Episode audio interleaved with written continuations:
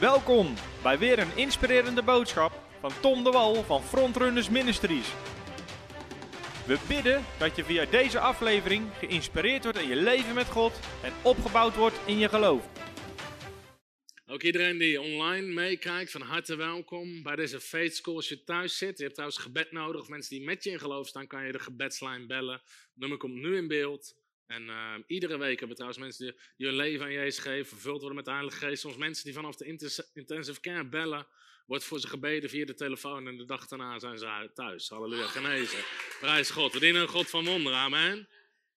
En dit was ook zo'n geloofsding, dat ik op mijn hart kreeg om die telefoonlijnen te openen. Ik dacht, Gaan Nederlanders bellen? Weet je wel, Amerikanen zijn gewend om voor alles te bellen. Die kopen dingen via de televisie. Dacht, gaan Nederlanders dat doen? Maar gewoon in geloof zijn we begonnen. Zo'n telefooncentrale, al die dingen aangeschaft, geregeld. En ik weet nog tijdens de eerste Voice of Fate uitzending. Ik zat in de studio en hier zaten allemaal mensen, ministry teams klaar, die we getraind hadden.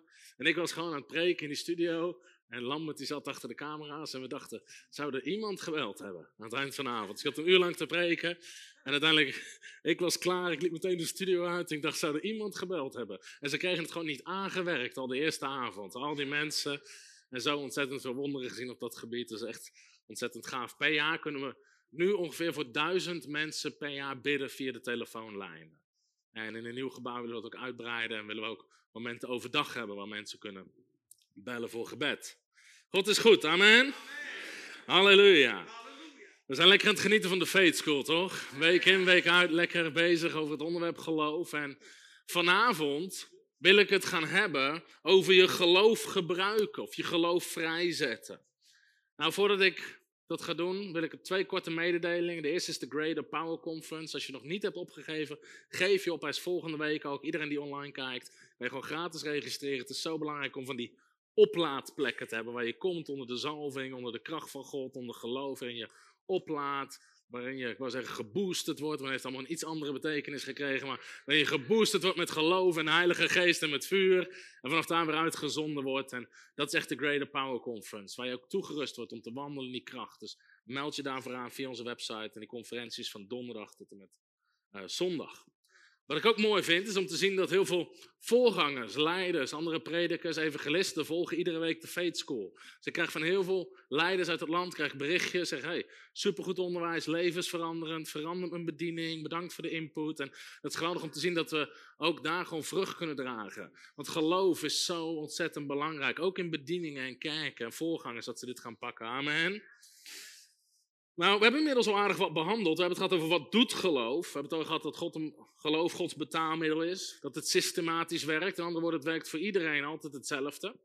We hebben het erover gehad dat tien dingen die gebeuren door geloof. We hebben het gehad over waarom God geloof vraagt. Waarom God niet met goede werken, met hoop of met nood werkt. We hebben het gehad over wat geloof is. We hebben het ook nog gehad over wat we niet moeten verwarren met geloof. Ik denk dat dat een hele verhelderende les was voor veel mensen. Gods definitie van geloof en vijf kenmerken van Bijbels geloof. Dus we hebben het al gehad over wat doet geloof, waarom vraagt God geloof, wat is geloof. En we hebben het gehad over hoe je geloof krijgt. Daar hebben we het afgelopen drie avonden over gehad. We zijn begonnen met die drie fundamenten van het mosterdzaadje waar Jezus over onderwijst. Hoe groeien in geloof, hoe werkt dat? We hebben het gehad over vijf manieren om te groeien in geloof. Hoe geloof komt, de vijf verschillende manieren. En de afgelopen keer hebben we het gehad over afrekenen. Met ongeloof, met twijfels en met zorgen. En waarom? Omdat twijfel is een geloofsblokker. Amen. Dus Jezus leert ons dat wanneer we ons geloof gebruiken, we daarbij niet moeten twijfelen. Tegelijkertijd niet moeten twijfelen. Dus we hebben gekeken, hoe reken je nou af met twijfel? Zodat je geloof effectief is. We hebben gezien hoe krachtig geloof is. Dat zelfs op één woord van Jezus, kom, kon Petrus uit de boot stappen en wandelen. Hij liep op water. Totdat de Bijbel zegt, hij begon te twijfelen. En hij zakte er doorheen. Dus we moeten leren hoe we met dat soort dingen omgaan. Nou, vanavond wil ik het dus hebben over je geloof gebruiken. Je geloof gebruiken. Je geloof gebruiken. Je zou kunnen zeggen je geloof vrijzetten. Of je geloof aan het werk zetten. Je geloof gebruiken, schrijf ik even op. Je geloof gebruiken. Nou, als je weet wat geloof is, wat geloof doet en hoe je geloof krijgt, moet je nog steeds weten hoe je geloof moet gebruiken. Amen. We hebben het vergeleken met geld. Zelfs als je zou weten, als je het geld pakt in natuurlijk, als je weet wat geld is, wat geld doet en hoe je geld krijgt, moet je nog steeds weten hoe je geld moet gebruiken. Amen. En het maakt niet uit hoeveel je hebt. Hetzelfde voor geloof. Sterker nog, we hebben allemaal de mate van geloof. Amen. We hebben allemaal, zelfs Petrus zegt, een, aan hen die een even kostbaar geloof ontvangen hebben. Als hemzelf. Jij hebt hetzelfde geloof als de apostel Petrus had. Amen. Dus alleen, je moet leren om het te gebruiken. Ik weet vroeger bij mij, uh, ik opgroeide bij mij in de straat, was er een mevrouw, en noemde die vrouw Tante Sjaan. En dat kwam omdat het een tante was van vriendjes van ons, toen we op de basisschool zaten. En die woonde in er eentje, een oude boerderij. En die vrouw leefde heel erg armoedig. Ze had altijd oude kleren aan, vaak zelfgemaakte kleren. Ze had geen auto. Ze kwam ook bijna nooit buiten. Iemand anders moest boodschappen voor haar doen. En als ze dan boodschappen moest doen voor haar, dan was het... Alles was altijd te duur. Alles moest altijd goedkoper. En anders ging ze dingen zelf verbouwen. En, en, en zo leefde die vrouw. En op een dag... En haar huis stond op instorten. Nadat ze stierf is het huis ook onbewoonbaar verklaard. Er moest helemaal opgeknapt worden. Maar goed, op een dag stierf die vrouw. En de familie ging het huis in om het huis op te ruimen. En die vonden voor honderdduizenden euro's cash. In de kussenslopen, in de matrassen, in de schilderijen. Op allerlei plekken. Honderdduizenden. En het was die tijd nog guldens. Gewoon, gewoon cash geld in huis. En het punt is dus dat die vrouw, die had heel veel geld. En haar man was, was boer geweest, had al het land verkocht, hij was overleden. Dus waarschijnlijk had ze al dat geld van al die verkochte landen gewoon contant in hun huis gelegd. En dan zie je, hoeveel het maakt niet uit hoeveel geld iemand heeft, totdat je leert om het te gebruiken. Amen. En hetzelfde is met geloof. In het geestelijke ben je zo ontzettend rijk, want je hebt een even kostbaar geloof ontvangen als de apostel Petrus. En wij mogen gewoon weer leren om het te gebruiken. Amen. Als ik het boek Handelingen lees, Handelingen 5, waar staat dat ze de zieken uit de hele omgeving begonnen ze te leggen op de straat, opdat maar de schaduw van Petrus op hun zou vallen. En ze werden allemaal genezen. Als ik dat lees, denk ik, wat is er gebeurd? Zijn de demonen sterker geworden in de ziektes? Of zijn de gelovigen soms zwakker geworden? Maar Petrus zegt, ik schrijf aan hen die een even kostbaar geloof ontvangen hebben als wij. We hebben datzelfde, we hebben dezelfde geest van God, we hebben hetzelfde geloof. Alleen nu moeten we het weer leren te gebruiken, amen.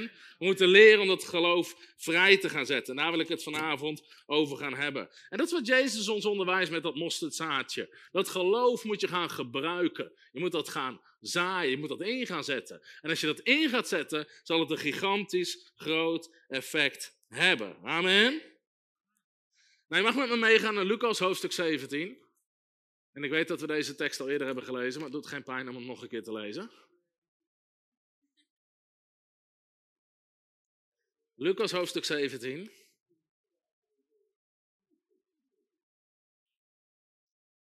Sommige mensen denken, ik ken hem uit mijn hoofd, ik roep gewoon meteen prijs te eer. Lucas hoofdstuk 17.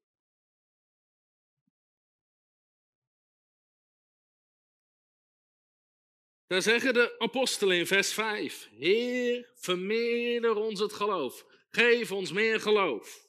En de Heere zei: Als u een geloof had als een mosterdzaadje, zou u tegen deze moerbijboom zeggen: Word ontworteld en in de zee geworpen, en hij zou u gehoorzamen. In andere woorden, jij zegt: Het gaat niet om meer geloof, het gaat om het gebruiken en inzetten van het geloof wat je hebt. Amen. Maar Jezus is nog niet klaar, want er staat er en. En wie van u die een slaaf heeft, die ploegt of de kudde waait, zal meteen als hij van de akker komt tegen hem zeggen, kom maar en ga aanliggen. Zal hij echter niet tegen hem zeggen, tref voorbereidingen, zodat ik vanavond de maaltijd kan gebruiken, om God u en bedien mij, totdat ik gegeten en gedronken heb en hij eet en drinkt uh, en eet en drinkt u daarna. Hij bedankt die slaaf toch zeker niet, omdat hij gedaan heeft wat hem opgedragen was. Ik meen van niet. Zo moet u ook, ook u, wanneer u gedaan hebt wat u opgedragen is, zeggen: Wij zijn onder de slaven, want we hebben slechts gedaan wat we moeten doen.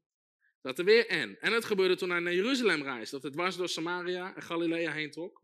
En toen hij een zeker dorp wilde binnengaan, kwamen er tien Melaatse mannen naar hem toe die op een afstand bleven staan.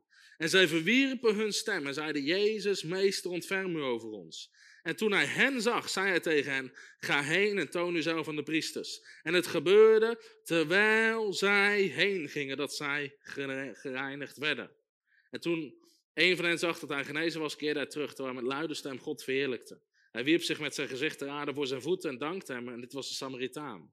Toen antwoordde Jezus en zei, zijn niet de tien gereinigd? Waar zijn dan de negen anderen? Zijn er geen anderen die terugkeren om God de eer te geven aan deze vreemdeling? En hij zei tegen hem, sta op en ga heen. Uw geloof heeft u genezen. Of uw geloof heeft u behouden.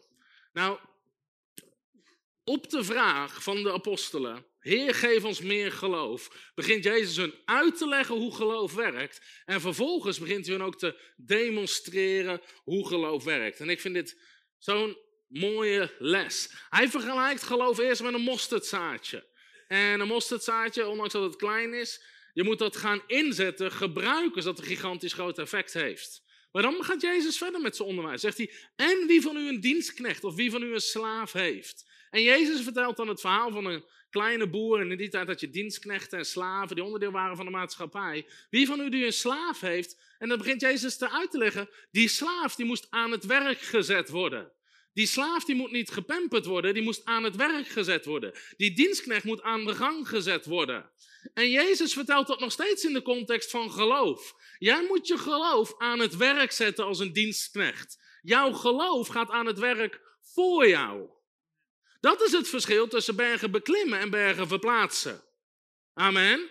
Jezus leert ons bergen verplaatsen, niet bergen beklimmen. Er zijn heel veel preken in de kerk over hoe je bergen moet beklimmen. Maar Jezus was niet iemand die werkte bij de lokale klimvereniging. Die mensen leerden hoe ze bergen moesten beklimmen. Jezus leert mensen om bergen te verplaatsen. Amen. En dat is iets wat we moeten leren, maar daarvoor moet je je geloof aan het werk zetten. Het ging niet om het hebben van die dienstknecht, het ging om het gebruiken ervan. Daarin zit de kracht. En dan zegt Jezus ook in die context, hè, dan moet je niet zeggen dat hebben wij goed gedaan. Die, die slaaf heeft gewoon gedaan wat hij moest doen, wat hem opgedragen was. En meteen geeft Jezus het voorbeeld met die tien melaatsen. Die tien melaatsen roepen van afstand, zeggen, Heere, help ons. En Jezus gaat niet zelf hard aan het werk. Hij gaat niet zeggen, jongens, kijk eens of je Lucas ergens kan vinden in de buurt. En kijk eens of we nog een antibiotica hebben. En wat de Lepra-stichting hiervan zegt. En of we, weet je, hij begon niet zelf heel hard te werken. Jezus ging niet eens handen opleggen en zalven. Het enige wat Jezus doet, hij geeft hun een opdracht en hij zet zijn geloof aan het werk. Hij zet zijn geloof aan het werk. Hij zegt, ga jezelf aan de priesters laten zien. En eigenlijk zegt hij, ga jezelf gezond verklaren. Want de priester mocht de Melaatse gezond verklaren. En wat doen die Melaatse? Ze beginnen te handelen in geloof. Ze beginnen te gaan en ze genezen. En dan komt er één terug om Jezus te danken en Jezus geeft God de eer. Alles zit in de context van leren om je geloof te gebruiken. En jij moet je geloof gaan gebruiken als een dienstknecht. Je moet hem aan het werk gaan zetten als een mosterdzaadje. Amen. Dus zeg eens tegen je buurman of je buurvrouw, zet je geloof aan het werk. Weet je, je moet je geloof ergens op richten, als het ware. Ik weet niet of er wel eens mensen zijn die hebben geschoten met een geweer, maar dan krijg je, er zit dan zo'n kijker op en, je moet ergens op richten. Hetzelfde met je geloof. Je moet je geloof aan het werk zetten. Geloof is een kracht. Faith is a substance. Sterker nog, je voelt het wanneer het aan het werk is. Als je het aan het werk zet. Ik zat een boek te lezen van John Cho. Mensen wel eens van John Cho? John Cho, hij begon met helemaal niks. Hij, hij sliep op een, op een plek, aan, niet eens een bed. Hij sliep op de vloer, geen bureau, stond helemaal niks. En God riep hem als pastor, als voorganger. En hij begon met helemaal niks, met geen kerkleden. En hij eindigde met de grootste kerk ter wereld, van meer dan een miljoen mensen. Meer dan een miljoen mensen. En ook nog een van de, in Korea, een van de armste gebieden destijds wat er was. Meer dan een miljoen mensen. Maar als je zijn boek leest, dan vragen mensen, oh dat is zeker heel hard werken. En hij zegt, nee, ik zet mijn geloof aan het werk, zegt hij. Ik zet mijn geloof aan het werk. Ik gebruik mijn geloof voor kerkgroei. Dus ik ga niet in het natuurlijke heel hard allemaal de gang. Maar hij zegt, ik begon mijn geloof te gebruiken. Heer, en in het begin was het, Heer, ik geloof u voor tien leden. Heer, ik geloof u voor honderd leden. En op een gegeven moment hij begon zijn geloof te stretchen en te stretchen. En toen zei hij, Heer, ik geloof u voor duizend leden per jaar erbij. En toen kwam er duizend leden bij. En het jaar erop weer duizend leden bij. En weer duizend. En toen zei hij, wacht, dit gaat te langzaam. Zie je, je moet jezelf stretchen in je geloof. En ik geloof dat God dat vanavond een beetje wil doen. Amen. Weet je, veel kerken in Nederland vinden ook een kerk van 100 mensen. Van 200 mensen vinden ze een grote kerk, of van 300 mensen. De grootste kerkgebouwen in Nederland zijn 1000, 1500, 2000 mensen. Het wordt tijd dat dat 20.000 mensen wordt in de naam van Jezus. Dat we de standaard een beetje gaan strekken. Amen. Dat we ons geloof gaan gebruiken voor grotere dingen. Amen. We hebben lang genoeg gezeten waar we nu zitten. Amen. En toen zei de Heer, ik ga mijn geloof gebruiken om te verdubbelen.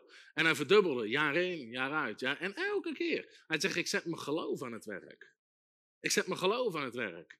Je moet leren om je geloof aan het werk te zetten. Amen. Dus je stuurt je geloof erop uit. Je gaat ergens voor in geloof staan. Je mikt je geloof ergens op. Dat is wat je doet. Ook het gebouw wat we nu gekocht hebben, wat we gaan slopen en nieuw bouwen. De eerste keer dat we er gingen kijken, ik had niet eens genoeg geld om ernaar te kijken. En we kwamen gewoon kwamen meer dan een miljoen tekort. En wat gaan we doen? We gaan niet heel hard natuurlijk aan het werk. We gaan geen stroopwafels bakken en die verkopen langs de deur. En een marathon rennen en hopen geld op te halen. Als mijn hoop zou zijn hoeveel ik ren met een marathon, vergeet het maar.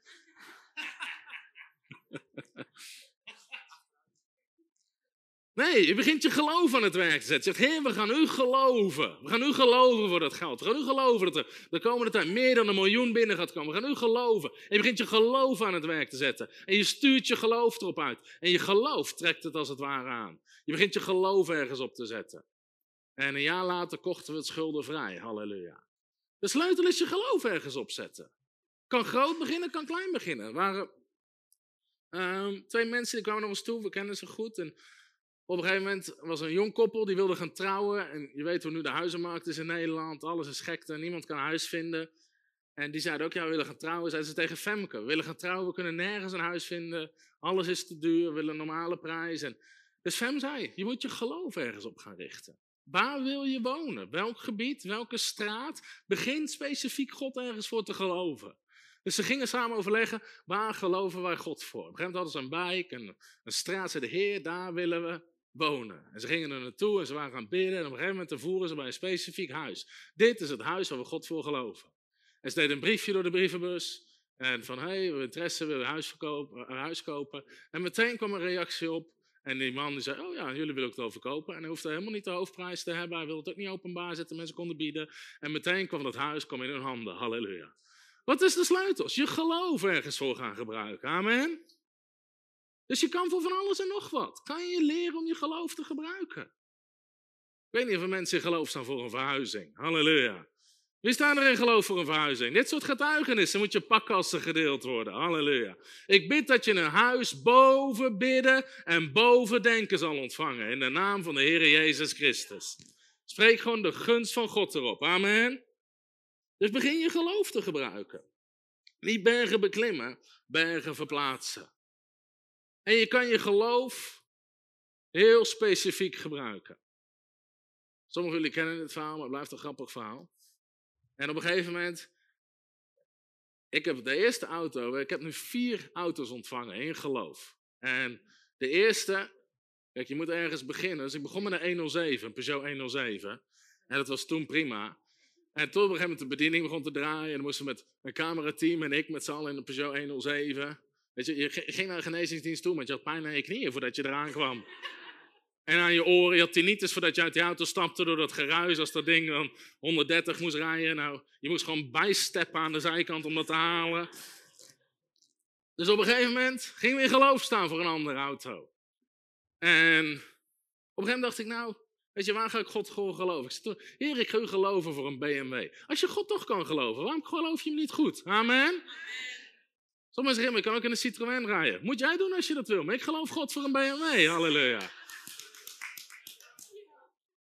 De Bijbel zegt, als je gehoorzaam en gewillig bent, zal je het beste van het land eten. Amen. Dus ik begon daar mijn geloof op te zetten. En op een gegeven moment, ik weet nog, wat voor een dienst, was voor een revive-avond die we hadden. En ik zat, ik zat op kantoor, ik zat voor te bereiden en ik hoorde de stem van God. En God zei, vanavond geef ik je de auto. Vanavond geef ik je de auto. En na die dienst komt er iemand naar me toe. En zegt, hey, ik heb het op mijn hart om je gift te geven voor een auto. Wat voor auto wil je? Ik zei, een BMW. Halleluja. En hij zei, is goed, ga, ga er maar een uitzoeken. Dus ik vond een BMW. En, of nou, ik vond het eigenlijk nog niet eens. Ik wist, Ik zei, hey, wat wil ik eigenlijk hebben? En ik wilde een hele specifiek hebben met bekleding en dingen. En ik zei, hey, daar gaan we God voor geloven. En uiteindelijk precies die BMW, zoals die daar, zoals ik hem in mijn gedachten zag. Op een gegeven moment een vriend van mij, mijn autobedrijf, die belde en zegt, hey, ik denk dat ik een auto voor je heb gevonden. Precies die auto, zoals ik hem zou willen. Boom, en hij werd van ons, halleluja. Weet je, sommige mensen hebben moeite om te geloven dat God je BMW's kan geven. Ik kan nog veel gekkere verhalen vertellen, maar mensen hebben hier al moeite mee. Weet je dat het voor God niks uitmaakt wat hij je geeft, zolang je hart er niet aan vastzit? Hoeveel mensen in de Bijbel zien niet die God extreem zegent? Kijk naar Abraham, Isaac, Jacob. Hij wordt genoemd de God van Abraham, Isaac en Jacob. Waren mensen die extreem gezegend waren.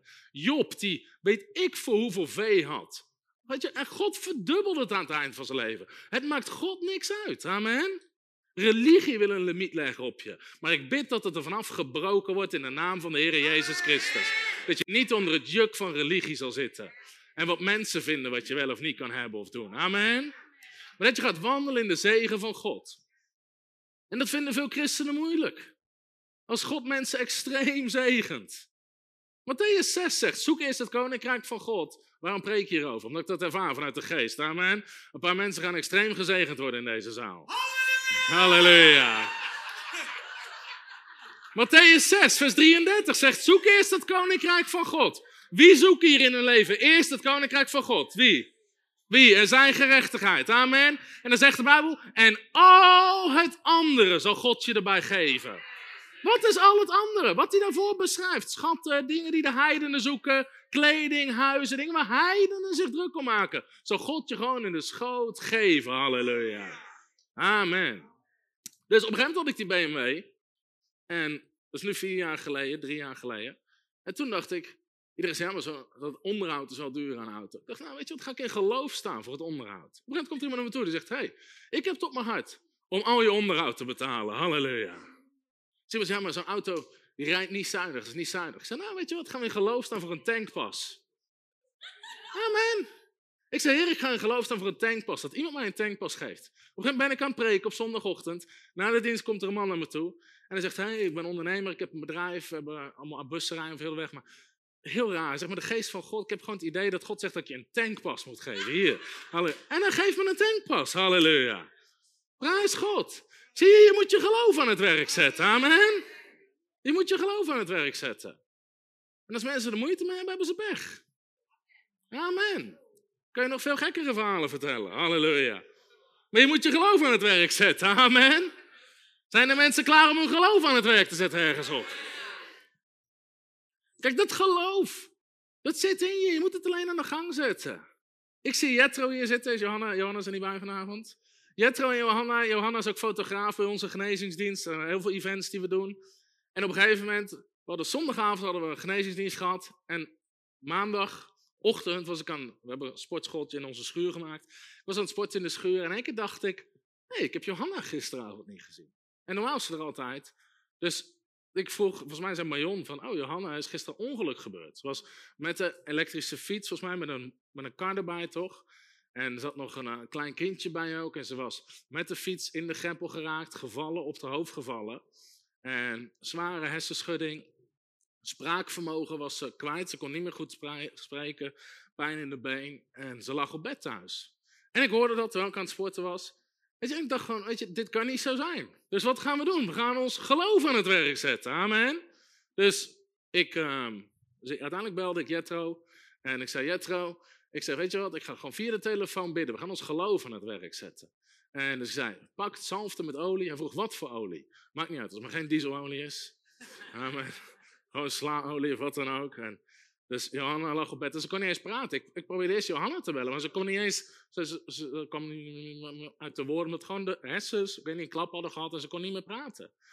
Dus ik zei, zalfte, leg je handen op haar en ik ga, ik ga bidden vanaf de telefoon. En gewoon binnen twee seconden, ik zei in de naam van de Heer Jezus Christus, op dit moment, dat die hele klap ongedaan wordt in Jezus naam. En met dat ik het zeg, vraag maar aan Jet, op ons roepen, halleluja, ik kan praten, ik kan praten. En in een seconde kwam de spraakvermogen terug. En we baden voor de benen. En uiteindelijk ze genas helemaal. Halleluja, prijs God. Wat is het verschil? Je geloof aan het werk zetten. Amen, je geloof aan het werk zetten. Een andere goede vriend van ons, die was een moment werd ik gebeld op zondagmiddag. Hij was gevallen met zijn hoofd op het ijs en was ernstig. Was ook alweer een grappig verhaal, maar zijn, zijn, zijn, vrouw, was, zijn vrouw was zwanger en inmiddels een gezond, gezond kindje geboren. Maar zijn, zijn vrouw was best wel ver ook in de zwangerschap. Niet heel ver, maar hij wist de behoorlijke tijd. Maar was gevallen met zijn hoofd op het ijs, zware hersenschudding in het ziekenhuis gebracht. En hij komt bij in het ziekenhuis, hij weet helemaal niks meer. En op een gegeven moment, toen vertelde zijn vrouw zoiets van, aan, de, aan de arts dat ze zwanger was. Hij zegt, waarom heb je mij dat niet verteld, zegt hij. In ieder geval, hij werd naar huis gebracht. Hij moest in een donkere kamer plat liggen. Als je overeind komt, zegt ze, ga je overgeven. Hij moest zes weken, zou hij zo moeten liggen om bij te komen van een zware hersenschudding. Dus ik hoorde dat. Dus dan heb je naar zijn vrouw gezegd, hey, kan ik langskomen? Ik kom vanmiddag langs. Gewoon simpel, erheen gegaan, olie meegenomen, woord van God erheen gegaan. Kort, gewoon twee Bijbelteksten Dit is wat de Bijbel zegt. Ga je zalven met olie, gebed van geloof gebeden. Volgende ochtend zat hij aan de ontbijttafel. Halleluja, prijs God. Weet je, dat is de kracht van geloof aan het werk zetten. Amen. Je moet je geloof aan het werk zetten. Nou, hoe zet je je geloof aan het werk? Hoe ga je je geloof gebruiken? Er zijn drie voornamelijke manieren. Nummer één, en daar wil ik het vanavond over hebben, is door te handelen. Door te handelen. Nummer twee is door te spreken. Geloof wordt vrijgezet door te spreken. En nummer drie is door te bidden, door gebed. Dit zijn de drie voornaamste manieren waarop je je geloof vrijzet, aan het werk zet. Dus dat geloof, even snel een poppetje tekenen, hij wordt steeds simpeler. Kijk. Dat geloof, dat zit in je, in je geest, alleen dat moet eruit komen als het ware. Dat moet aan het werk gezet worden. Dat moet geactiveerd worden. En hoe activeer je dat? Door te beginnen handelen, door te beginnen met spreken, door te beginnen met bidden. En je mag even meegaan, ik wil nou gaan hebben over handelen in geloof. En je mag meegaan naar Johannes hoofdstuk 2. Johannes hoofdstuk 2.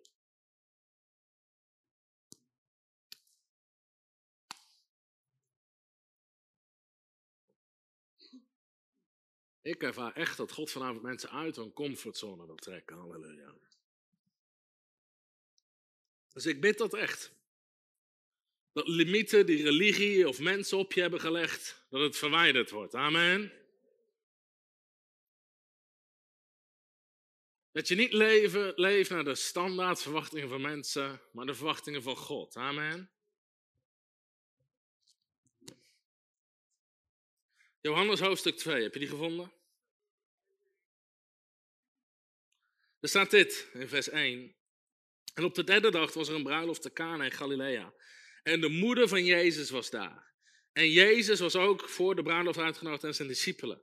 En toen er een tekort aan wijn ontstond, zei de moeder van Jezus tegen hem: Zij hebben geen wijn meer. Jezus zei tegen haar: Vrouw, wat heb ik met u te doen? Mijn uur is nog niet gekomen. Zijn moeder zei tegen de dienaars: wat hij ook tegen u zal zeggen, doe het. Dat is de kern. Wat hij ook tegen u zal zeggen, doe het. En er waren daar zes stenen watervaten neergezet, volgens het reinigingsgebruik van de Joden.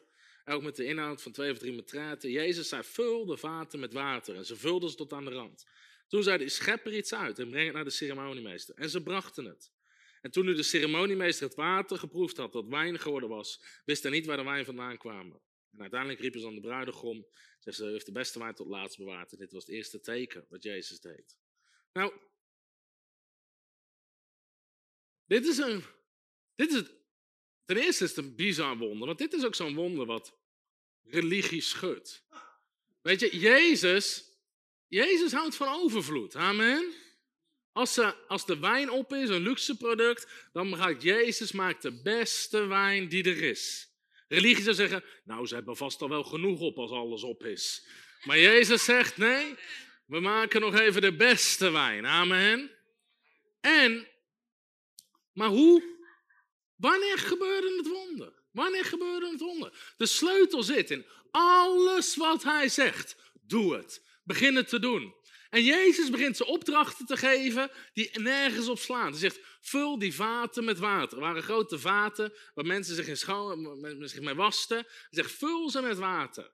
En als dat Nederlandse dienstknechten waren geweest, wat zegt hij? Wat gaat hij doen? Ik ga niet sjouwen met water. Jij wel, dit slaat nergens op. Nee, alles wat hij zegt, doe het. Doe het. Dus ze begonnen te vullen met water. Maar toen was het nog geen wijn. Het waren nog steeds vaten met water. Dus ik denk dat ze er stonden. En nu? Nu hebben we vaten met water. En zegt Jezus, schep er iets uit en breng het naar de ceremoniemeester. En zeg dat de wijn er is. Dat is wat Jezus zegt. Zou jij het doen?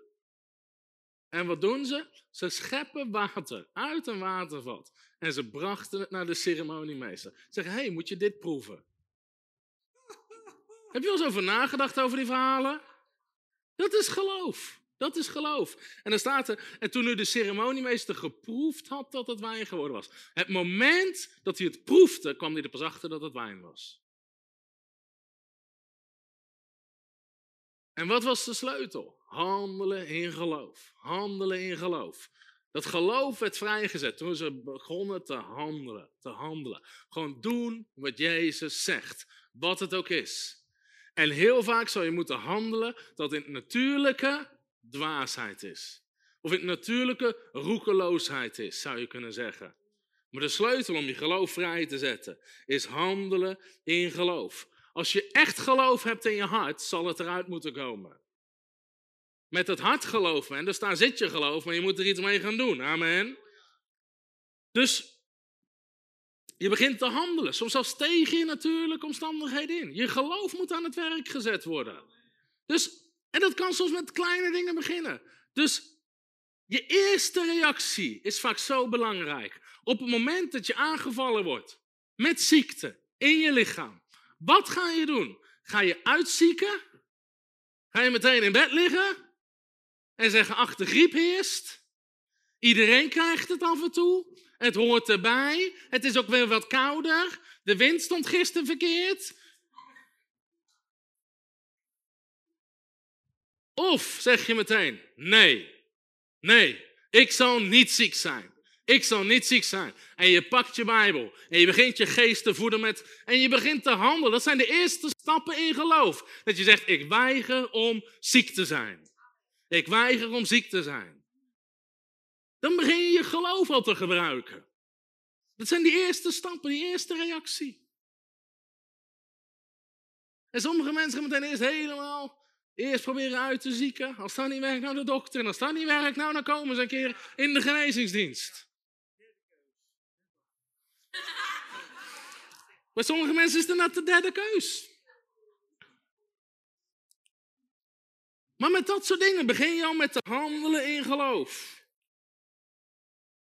Je, had ook een tijdje geleden, volgens mij een maand geleden of zo, dat ik werd s'morgens wakker om. Ik ging gewoon naar bed, was gezond. Ik werd vijf uur s'morgens wakker. Ik werd gewoon aangevallen. Boem, met ziekte in mijn lichaam.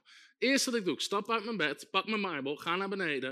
Ik begon een paar teksten te lezen. Ik wist gewoon, oh, ik heb geloof voor het wonder. Boem, bid, spreek het aan, terug naar bed gaan, later wakker worden, totaal gezond. Het eerste wat je doet, je begint te handelen in geloof. Je begint te handelen in geloof. Dat is mijn Jacobus, hoofdstuk 1. Jacobus 1.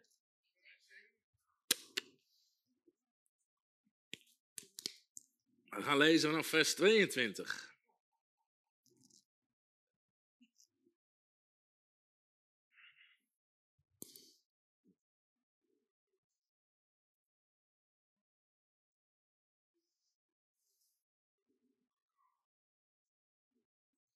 Jacobus 1, vers 22. Als je het gevonden hebt, zeg je prijs de Heer.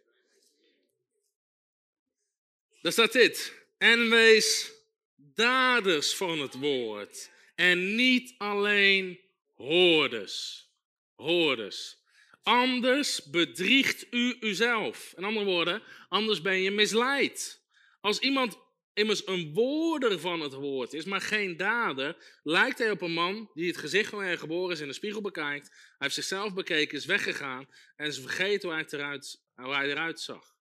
Jacobus zegt hier, als je het woord hoort, we hebben het heel vaak gehad over het woord en horen.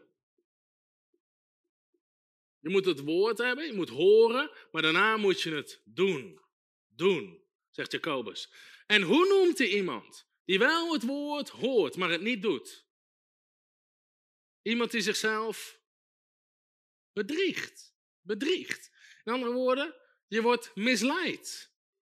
Veel christenen in het Westen, en we hebben een kenniscultuur, hè, we zitten heel veel met ons hoofd te werken, hebben niet door dat als ze het woord wat ze horen niet doen, ze misleid en bedriegd worden.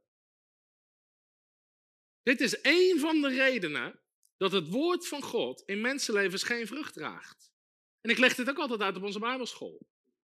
Jezus vertelt er een tegelijkenis van de zaaier. En dan vertelt hij over vier grondsoorten.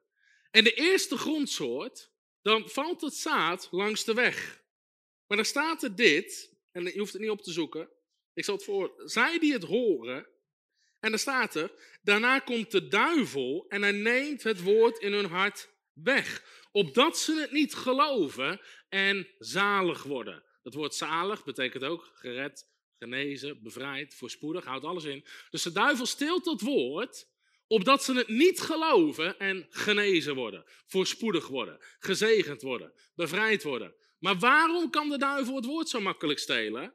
In Matthäus staat er dit bij.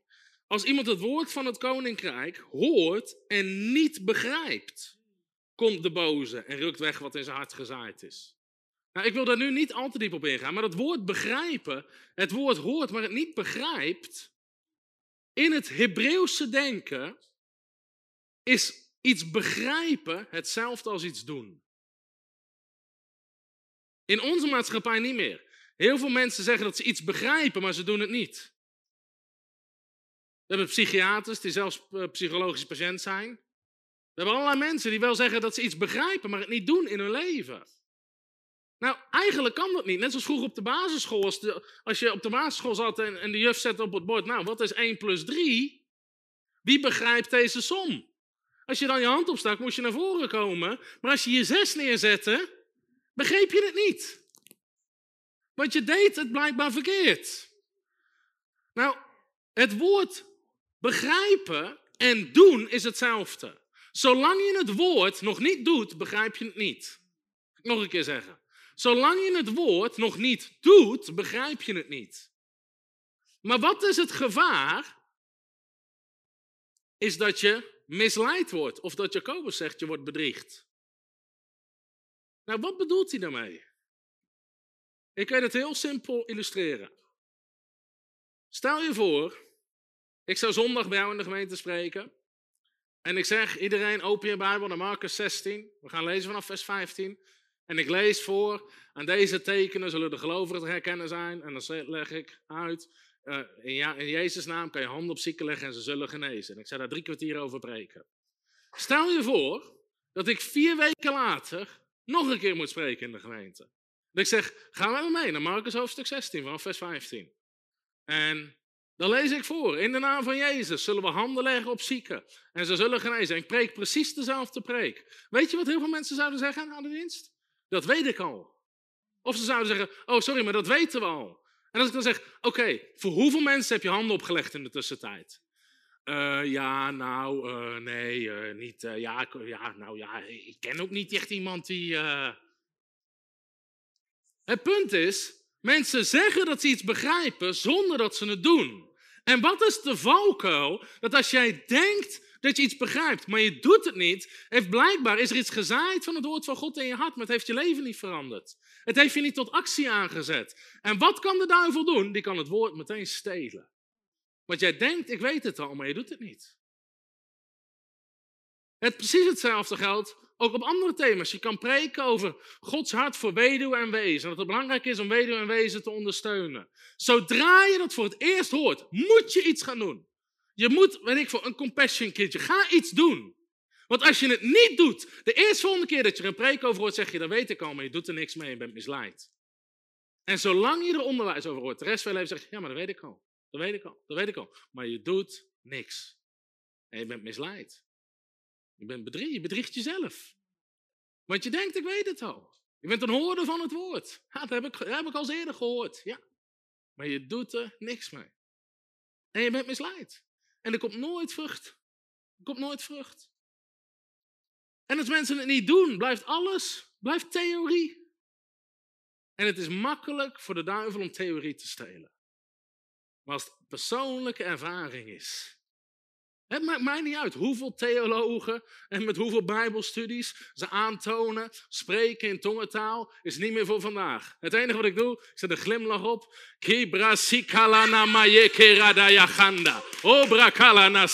Niemand kan je eruit betheoretiseren waarom het niet meer voor vandaag. Waarom niet? Het is ervaring. Mensen kunnen, nou, demonen uitdrijven is niet meer voor vandaag. Jawel hoor, kom maar mee.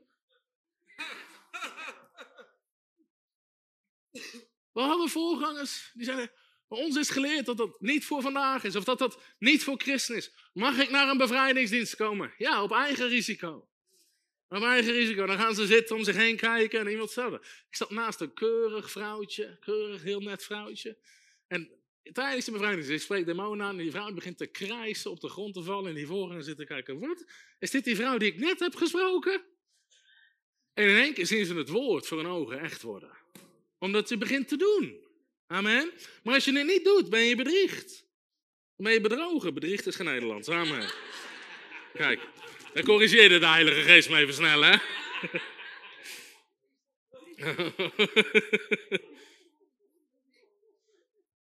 maar ho kijk, hoeveel mensen zijn er niet? Die zeggen, ja, maar we geloven in bovennatuurlijke voorzieningen. We geloven in boven... Maar als je dan vraagt, hey, waar is de vrucht? Waar zijn de getuigenissen? Wat doe je dan? Wat doe je dan? Heel veel kijkers, ja, we geloven echt dat God voorziet. Dan begin dan eens iets groots te doen. Begin dan eens geld weg te geven. Begin dan eens campagnes te doen. Begin dan eens geld grootschalig te investeren in het evangelie. Uh, nou nee, we hebben een begroting. Begroting. Je hebt helemaal nergens geloof voor. Je zit gewoon hier met je natuurlijke verstand.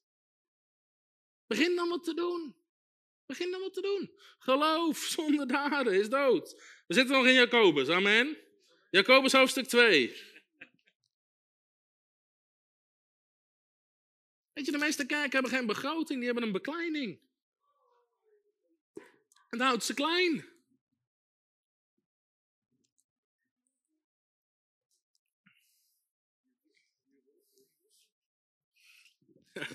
Ik weet niet of die in de vandalen staat, de bekleining. Jacobus 2, vers 17. Zo is ook het geloof. Als het geen werken heeft. Wat is het? In zichzelf dood. En wat staat er in vers 26? Want zoals het lichaam zonder de geest dood is. Als jouw geest jouw lichaam verlaat, is je lichaam er niet meer. Zo is ook het geloof zonder werken dood. Geloof zonder werken. Geloof zonder daden is dood geloof. Dus als je niet handelt, is je geloof dood. Als je niet handelt, dan ben je bedriegt. Bedrieg je jezelf? Ben je misleid? Dus als dit, dat geloof wat in jouw binnenste zit, als dat niet eruit begint te komen, als dat niet in actie begint te komen, dan is het dood geloof. Is het dood geloof. En dood geloof doet Niks. Dood geloof produceert niks, want het is dood. Dus je moet handelen. Je moet handelen. Als ons geloof niks in beweging zet, is het dood geloof. En dood geloof ontvangt niks. Weet je, geloof komt door het horen, maar resultaat komt door het te doen. Amen. Geloof komt door het horen, maar resultaat komt door het te doen.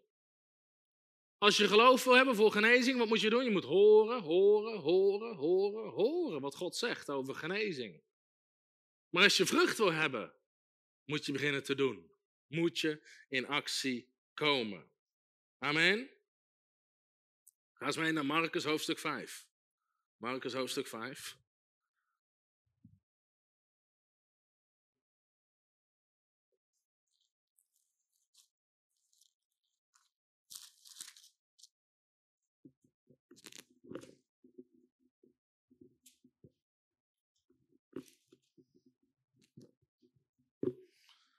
Vanaf vers 25. Dus dat dit. En een zekere vrouw die al twaalf jaar lang bloedvloeien had. De bloedvloeiende vrouw. We zijn nu mijn boek aan het Engels aan het vertalen. En iemand had een poging gedaan voor een vertaling, maar die hebben we maar niet goedgekeurd. Die schreef altijd over The Bloody Woman. Uiteindelijk hebben we maar gekozen voor een andere vertaling. Een zekere vrouw die al twaalf jaar lang bloedvloeiing had. En veel geleden had door toedoen van veel dokters. En alles wat zij had daaraan uitgegeven had. Het had geen baat gevonden, maar het was veel eer erger geworden. Deze had van Jezus gehoord. En zij kwam van achteren de menigte in en raakte zijn bovenkleed aan. Want zij zei, als ik maar zijn kleren kan aanraken, zal ik gezond worden. En meteen droogde de bron van haar bloed op en merkte ze aan haar lichaam dat ze genezen was. Dan staat er het stuk waar jij zegt dat de kracht van hem uitging. Uiteindelijk in vers 34 zegt hij, dochter, uw geloof heeft u genezen. Uw geloof heeft u genezen.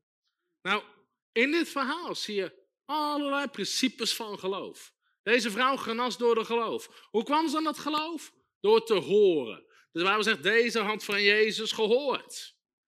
Dus ze had geloof, maar toen moest ze het vrij gaan zetten. Ze moest het ze moest in actie gaan brengen. Hoe doe je dat? Door te spreken en te handelen. De vrouw begon te spreken. Want de Bijbel zegt, want zij zei, als ik maar zijn kleren kan aanraken, zal ik gezond worden. Zij begon al te spreken wat er zou gaan gebeuren. En vervolgens begon ze te handelen.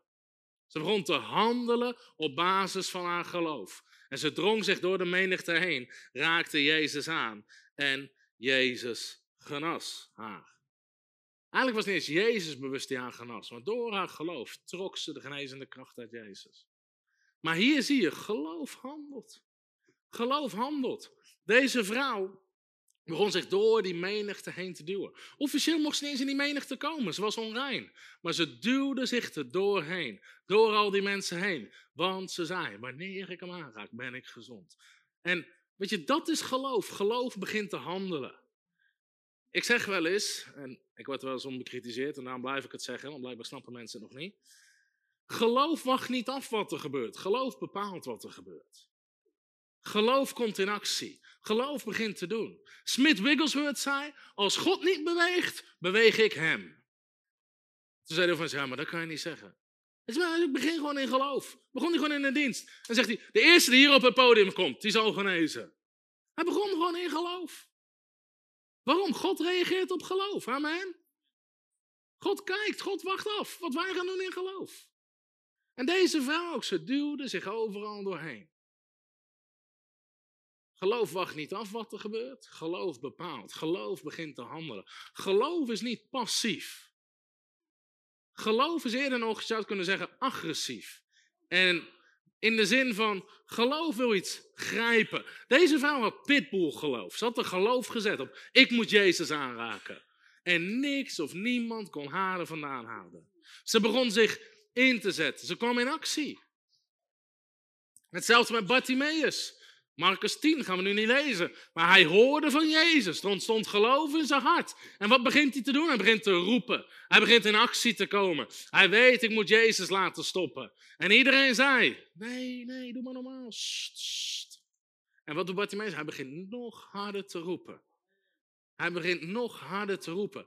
Hij had pitbull geloof. Hij pakte dat ding vast en hij wilde niet loslaten totdat hij had wat hij ontvangen had. Weet je, dat is, er is actie. Dat is actie. Amen. De Bijbel zegt, het koninkrijk van God breekt baan en geweldenaars grijpen ernaar.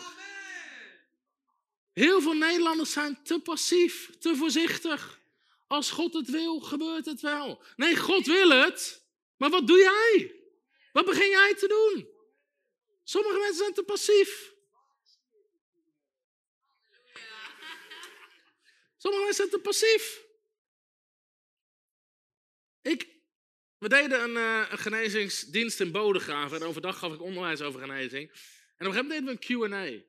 En het is super grappig. Ik ken al die mensen niet, dus ik begin allemaal vragen te stellen. En heel veel ervaar ik gewoon de gaaf van profetie. Dus ik begin antwoorden te geven. Ik begin in te spreken op mensenleven zonder dingen die ik totaal niet kan weten. Op een gegeven moment kwam er ook een meisje naar voren met een ernstige ziekte. En die zei ook zo, zoiets van, maar waarom ben ik dan niet genezen? En achteraf, dus iemand die herkende zei, wat jij zei, had je niet kunnen weten. Maar spot on. Ik zei, en ik begon te zeggen vanuit de geest, zeg, joh, je bent niet agressief genoeg. Je bent te passief. En levensbedreigende ziekte, jong iemand. Met de houding, ach, als God het wil, gebeurt het wel. Nee, nee. Jij, er moet iets in jou opstaan. Als je echt geloof hebt voor genezing, moet er iets in jou opstaan. Je zegt, ik pak die genezing en ik laat niks of niemand me ervan aanslaan. En heel veel mensen die zitten rond te wachten thuis. We krijgen zelfs bericht van ze, is er een keer een genezingsdienst in de buurt? Al moet je op je knieën naar Groningen toe. Als jij geloof hebt, kom op. Kom op. Te passief. In Matthäus 15, we gaan het nu niet lezen, maar er staat dat Jezus klom de berg op. Jezus, hij liep niet, hij klom de berg op. En in het volgende vers staat er, en de zieken kwamen bij hem, de blinden en de kreupelen. Als een blinde, en ik weet niet hoe ze het deden. Misschien ging de kreupel op de nek zitten bij de blinde. En zei die daarheen, daar, en, met z'n, en zo klommen ze de berg op. Maar als bij Jezus blinden en kreupelen op een berg konden komen voor hun genezing, kan jij met een Skoda stationwagen in Nederland in de genezingsdienst komen. Amen. Maar er moet actie komen. Er moet handeling komen, er moet honger komen. Mensen zijn niet hongerig genoeg. Als je echt geloof hebt, begint er iets te gebeuren, amen. Die bloedvloeiende vrouw drong zich door de menigte heen. Wonderen beginnen te gebeuren wanneer jij begint te handelen in geloof. Ook met voorziening, zo met christenen, of bedieningen of kerken. Weet je, heel veel willen wel wonderen van voorziening, maar ze willen niet zaaien. Ze willen geen geloofstappen zetten. Maar dat is niet hoe het werkt. Je moet gaan handelen. Ze willen wel oogsten, maar ze willen niet zaaien. Maar het is zaaien en oogsten, amen. Niet oogsten en oogsten. Sommigen hebben een verkeerde vertaling. Je denkt dat er staat oogsten en oogsten, oogsten en oogsten. nee, zaaien en oogsten. En je moet ergens gaan handelen. Ook bij die tien Melaatsen, dat verhaal hebben we al gelezen. Wanneer gebeurde het wonder? Zelfs niet toen ze stopten, niet toen Jezus stopte, niet toen Jezus sprak. Het wonder gebeurde terwijl zij gingen, zegt de Bijbel. Terwijl zij begonnen te handelen. Mijn ervaring is, als je genoeg geloof kan preken mensen totdat zij beginnen te handelen, beginnen de wonderen te gebeuren. Op welk gebied het ook is. Of het nou is op het gebied van bevrijding, op het gebied van genezing, op het gebied van voorziening. Je moet er woord in stoppen, woord in stoppen, woord in stoppen. Net zolang tot dat geloof in hem, boem, begint in actie te komen. En op het moment dat dat gebeurt, beginnen de wonderen te gebeuren. Geloof wat handelt. Geloof wat handelt. Lucas hoofdstuk 5, gaan we even lezen.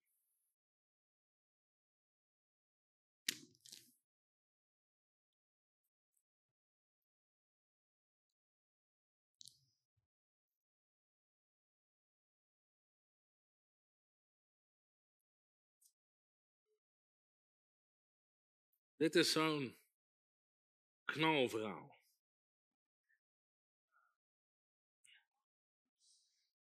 Staat dit. En het gebeurde op een van die dagen dat hij onderwijs gaf. En dat de fariseeën en leraars van de wet zaten. Die van alle dorpen van Galilea en Judea uit Jeruzalem gekomen waren. En er was kracht van de Here om hen te genezen. Lees die zin eens goed. Er waren overal mensen, overal vandaan, van alle dorpen. Ze waren allemaal daar samengekomen. Dit was trouwens in het huis van Jezus. En er was kracht van de Heer om hen te genezen. Om wie te genezen? Om die fariseeën te genezen. Om die leraren te genezen. Om al die mensen te genezen die overal vandaan kwamen.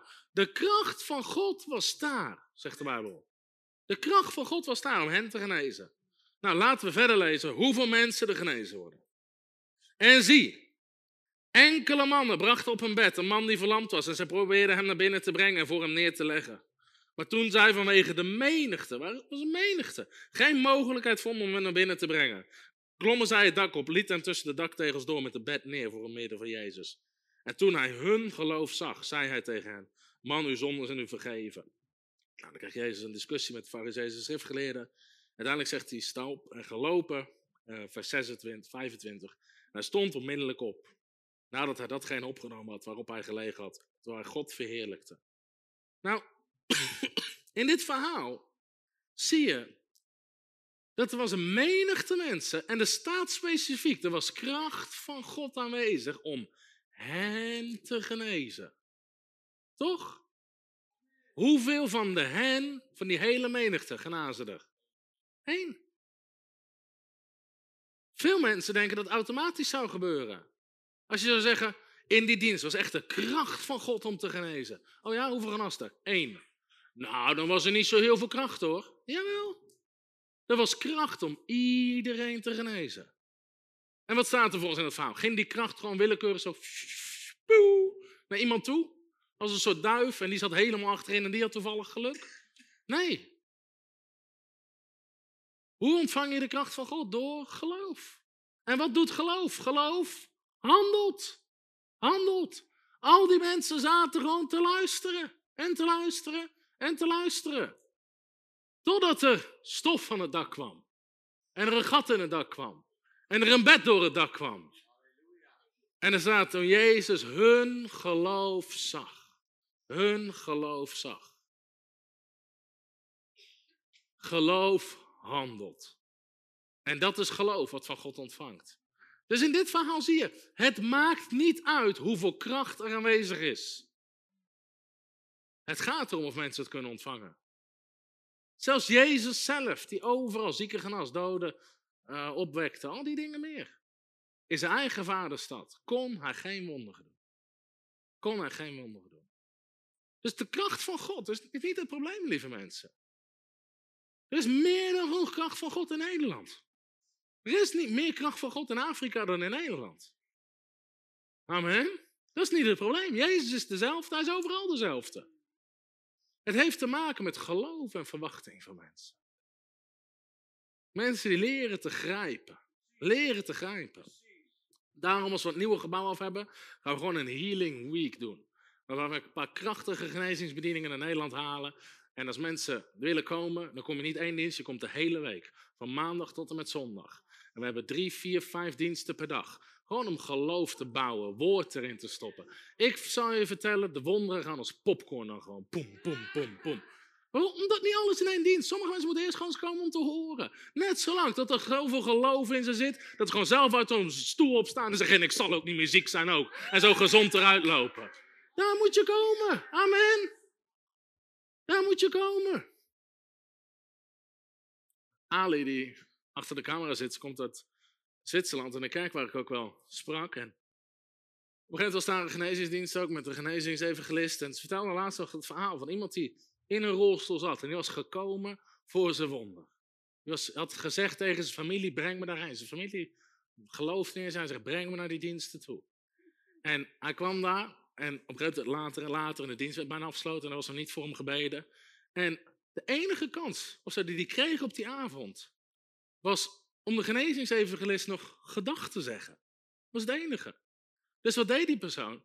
Die evangelist wil hem een huk geven en die man in die rolstoel, die laat gewoon niet meer los. En hij staat op en met dat die man opstaat, trekt hij hem zo uit zijn rolstoel en is hij volledig genezen. Halleluja. Zie hij greep vast. Pakte in geloof. Handelde. En dat was zijn moment. Amen. Handelen in geloof. Weet je, jij bent niet aan het wachten op God. God is aan het wachten op jou. Amen. Weet je, God is een geweldige schaakspeler. Als jij aan zet bent, doet hij niets. Amen. God is een geweldige schaakspeler. Als het jouw beurt is, doet God niks. Weet je, en ik wil nu niet de tijd nemen om al die dingen. Maar laten we, laten we eens gaan naar trouwens Exodus 14. Weet je, soms moet je mensen een beetje helpen. Dit is een tekst die heel vaak aangehaald wordt. Zeggen mensen, maar de Heer zal voor je handelen. En ja, of de Heer zal voor u strijden en u hoeft niks te doen, zeggen ze dan. En u moet stil zijn. Dat staat in de Bijbel, maar laten we het eens lezen, Exodus 14.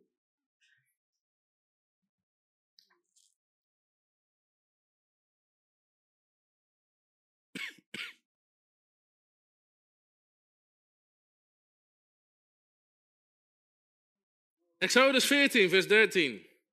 Maar toen zei Mozes tegen heel het volk: Wees niet bevreesd, houd stand en zie het heil van de Heer, dat hij vandaag nog voor u zal bewerken. Want de Egyptenaren die u vandaag ziet, zult u tot in eeuwigheid niet meer zien. De Heer zal voor u strijden, nu moet stil zijn. Nou, dat is de lievelingstekst van sommige mensen. Toen zei de Heer tegen Mozes: Wat roept u tot mij? Jij spreekt tot de Israëlieten. Zeg dat zij opbreken. En u, hef uw staf op. Strek uw hand uit over de zee. En splijt hem door midden. Uh, nou moeten wij allemaal weten, wij kunnen de wonderen niet doen hoor. Het is, het is God die het doet. God die het doet. Wat zegt God hier? Splijt hem door midden. Weet je, dit is goed om religie even te triggeren. Amen. Zijn er meer mensen om die even af willen rekenen met de religie? Ja. Oké, heel goed.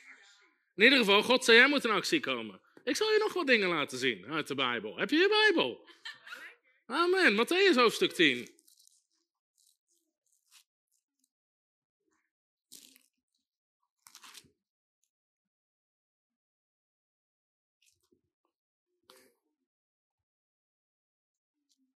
Matthäus 10, als je het gevonden hebt, zeg je prijs de Heer.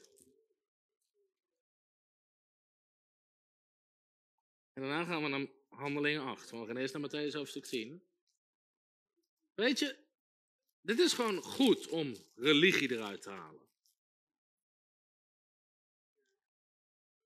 Sommigen zeggen, pas op voor frontrunners, proberen je uit de hersens spoelen. Je hersens moeten gespoeld worden. Amen. Met het woord van God, amen. Vers 7 en 8. En als u op weg gaat, predik dan. Het koninkrijk der hemel is nabijgekomen. Genees zieken. Genees zieken. Wie moet dat doen? Jij. Er zijn heel veel mensen zitten te bidden. Heer, genees die en die. God zegt, nee, jij geneest die en die. Natuurlijk is het door de kracht van de Heilige Geest, dat snapt iedereen. Maar jij moet iets gaan doen. Genees zieken. Vandaag de dag, zodra iemand een getuigenis vertelt, dan is er altijd een christen die moet zeggen, uh, jij was het niet hoor, het was Jezus. Nou, bedankt voor die bemoediging, zus. Ik dacht echt even dat ik het zelf gedaan had. Ik hoorde ooit een voorganger, die, zei, die had ergens, of een gastspreker, die zei tegen de aanbiddingsleider, mooi gesproken. Hij zei, ik was het niet hoor, het was Jezus. Zei hij, nou, zo mooi was het ook weer niet.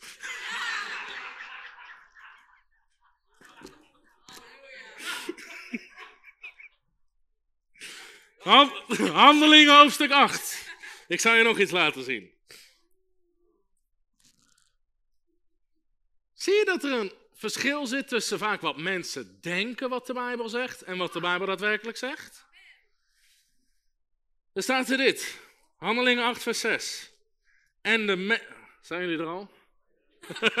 Ik was bijna begonnen, hoorde je dat?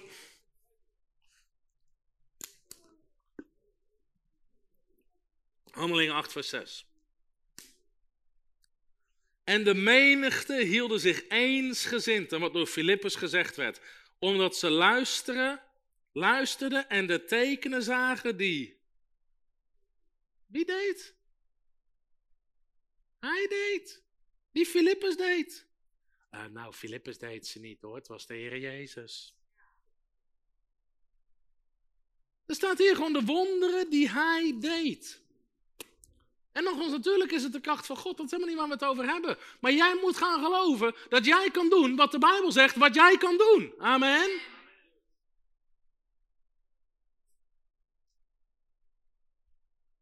Hoe kwamen we hierop? Geen idee, je kreeg het er gewoon gratis bij. Halleluja.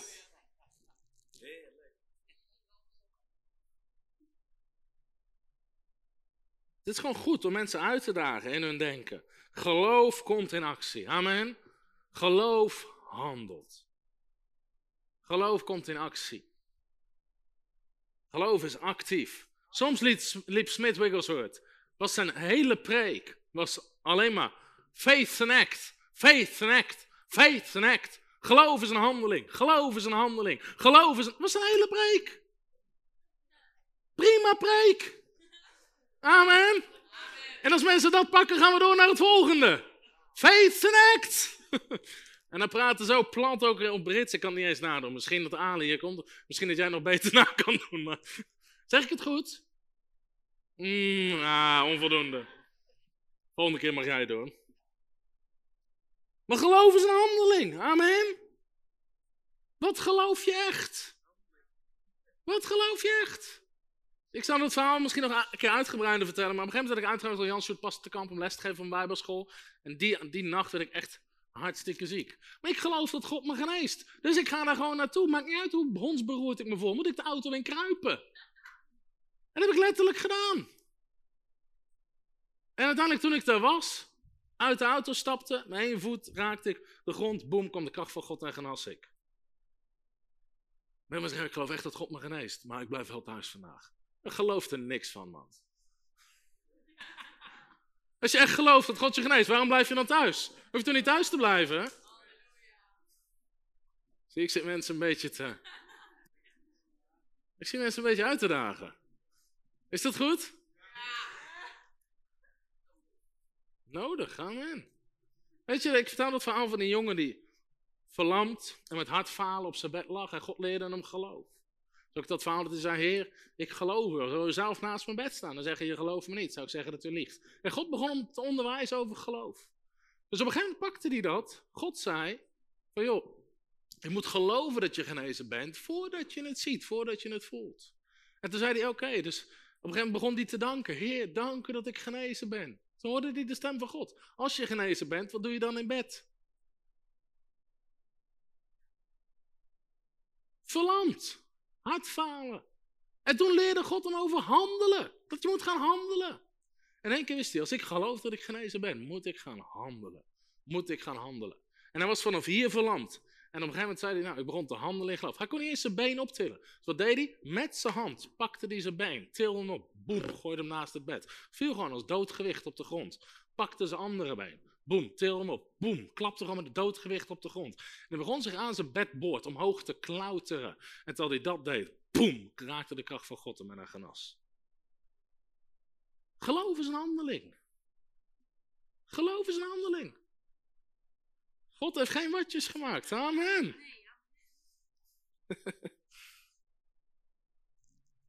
Word je een beetje uitgedaagd? Geloof is een handeling. Amen. Ik vertel dat verhaal in Jezus aanraken. Dat mooi getuigenis. In Jezus aanraken heb ik die zeven stappen. Die mensen kunnen zetten om genezing te ontvangen. En aan het eind was, een, uh, was Arjan trouwens, de, de man van Marion was, we hadden bijbelschool en hij, hij hebt, ik kan er vanavond niet bij zijn, ik ben ziek, ik heb gebeden, maar het werkt niet. Ik dacht, zo werkt het niet. Dus ik zei, nou, het werkt niet door gebed, het werkt door geloof. Dus ik zeg, je moet, en ik begon gewoon letterlijk die stap uit Jezus aanraken. Het boek was nog niet uit, kon het me niet kwalijk nemen. ik zei, joh, het werkt niet door, ik begon uit te leggen. Het werkt door geloof. Dus besef dat het werkt door geloof. Begin je geloof te bouwen. En ik begin gewoon die principes uit te leggen. Dus begin eerst jezelf te voeden met het woord. Laat je identiteit van ziekte achter. Besef dat je niet ziek hoeft te zijn vandaag. Begin het woord van God te spreken. Begin te handelen in geloof. Begin God te danken en ontvangen. Ik begin van die stappen. Stuur het naar hem toe. Gewoon in een WhatsAppje van, van, van drie regels. En 30 minuten later stuurt hij een appje terug. Ik heb gedaan wat je zei. Ik ben volledig genezen. Halleluja. Weet je, soms moet je mensen gewoon helpen om de juiste stappen te zetten. Even op de juiste richting te zetten. En te beseffen hoe het werkt. En het werkt altijd, voor iedereen. Amen. Omdat geloof systematisch is. Het is wetmatisch. Het werkt voor iedereen hetzelfde. Ieder verhaal waar God wonderen verricht, zie je dat mensen handelen in geloof. Abel gaf zijn eerstelingen. Noach bouwde een ark, het nog nooit geregend had. Abraham vertrok in geloof naar een nieuwe plek. Wonder na wonder na wonder. Mozes, die confrontatie aanging met de farao. Ik vind dat zo. De farao werd in die tijd gezien als een god. Als een god. Weet je dat God zei tegen Mozes: Ik zal jou tot een god maken voor farao? Kan je lezen in het begin van Exodus. Nou, als je dat voorleest, dan mensen nou, nou, nou. Dat zegt God: Ik zal jou maken tot een god voor farao. Mozes moest naar de machtigste man op aarde toe. Hoefde maar dit te doen en dan kon je laten vermoorden. En Mozes moest er naartoe gaan en zei: Laat mijn volk vrij. En toen komen de plagen en iedere keer moest hij weer terug naar die farao.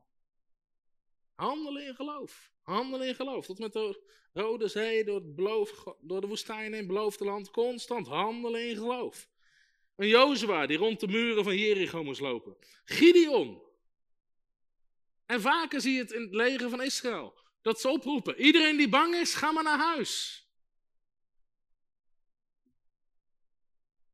En hoe Gideon met 300. Gideon is een hilarisch verhaal. Weet je, ik heb oorlogskunde gestudeerd. ik moest iets studeren op, op, HBO. Ik heb hogere veiligheidskunde gestudeerd en uiteindelijk moest ik een verdieping kiezen. En ik, toen heb ik, uh, heb ik dat soort dingen gestudeerd. Nou ja, gewoon moest iets doen. Ik dacht, kan het later altijd toepassen tegen de duivel. Dus uh, beetje strategisch. Maar als je met 300 tegen een leger, er staat een ontelbaar leger, weet ik van 50.000 moet, dan zou je iets heel slims verzinnen. Dat je in hun rug komt, weet ik veel wat je er, weet je. En wat zegt God tegen Gideon? Pak een toeter en een kruik. En wat je dan doet, dan sla je eerst die kruik kapot met die, met die fakkel erin. Dan ziet iedereen waar je bent. En daarna blaas je heel hard op dat ding. Of andersom, zijn ze allemaal wakker. Handelen in geloof. Handelen in geloof met 300. En ze doen het. En God geeft de overwinning. Halleluja. David rende op Goliath af. Elia met de weduwe, die haar laatste maaltijd gaf aan de profeet. Zaaide. Ik sprak ooit in een kerk in het midden van het land en ik sprak er over voorziening. En zat er een vrouw en die had de laatste 20 euro mee. En ze had vijf kinderen om eten te geven. En ze voelde dat de geest van God zei, geef het in het offer. Dat was het laatste wat ze had en ze zat in de schulden. Het is gewoon een bijbelverhaal eigenlijk. En ze liep naar voren en ze gooide het in het offer. En die middag benadert iemand haar en zegt, ik wil je van al je schulden afhelpen. En ze werd helemaal schuldenvrij en, en gewoon totaal gezegend. Handel in geloof. Handel in geloof. Naaman moest zich zeven keer onderdompelen in de Jordaan. Handel in geloof. Nieuwe Testament. Je zou verhaal na verhaal na verhaal. Maar er zit altijd, het wonder gebeurt, zodra mensen beginnen te handelen in geloof. Dus je begint je geloof aan het werk te zetten. Je zet je geloof ergens op. En daarna moet je daarna gaan handelen. Daarna moet je daarna gaan handelen. Kijk, heel veel kerken zeggen, we geloven, we geloven God echt voor opwekking. Je gelooft God helemaal niet voor opwekking, man. Je hebt een hypotheekcontract voor 30 jaar op dezelfde plek. Denk je dat die opwekking plast in die kerk van 200 stoelen? Je sluit een huurcontract af voor 20 jaar. Toen we hier een huurcontract, zei de makelaar, dat is wel heel ongebruikelijk zo kort. Ik zeg, nee, we zullen er in korte tijd uitgegroeid zijn. Oké, als jij dat wil. Zie je, er zit een verschil tussen mensen waar ze zeggen wat ze geloof voor hebben en wat ze doen. En als dat niet hetzelfde is, is het geen geloof. Want als je het echt gelooft, begin je te handelen. Amen. Zie ik ben met mensen aan het, weet je, aan het triggeren. Gewoon door te horen wat mensen zeggen en wat ze doen kan je zeggen of ze geloof hebben of niet. Toen wij bezig gingen met het gebouw, ik zei, we geloven God om het schuldenvrij te doen. Nogmaals, we kwamen, het is een totaalproject van 8 miljoen, we kwamen miljoenen tekort. Op een gegeven moment komt er iemand op ons pad. En die biedt ons aan om gewoon miljoenen te lenen. Te lenen. Leg het gewoon op tafel. Zeg, joh, dit kan je lenen. Nou, wat doe je dan? Nee, bedankt. Nee, bedankt. We hadden het in, we het in die zin financieel al langer, enige, we hadden alles al lang kunnen. Het enige wat je doen is, ja, bedankt, bedankt. Zeggen, ja, dat is echt Gods voorziening. Nee, is het niet. Is het niet. Want wie leent, zegt de Bijbel, wordt een slaaf van de uitlener. En ik wil geen bediening die een slaaf is van iemand. We zijn alleen een slaaf van de Heer Jezus Christus. Alles wat Hij zegt, doen we. Alles wat Hij zegt, doen we.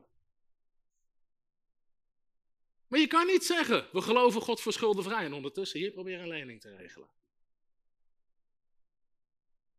Dat kan niet. Amen.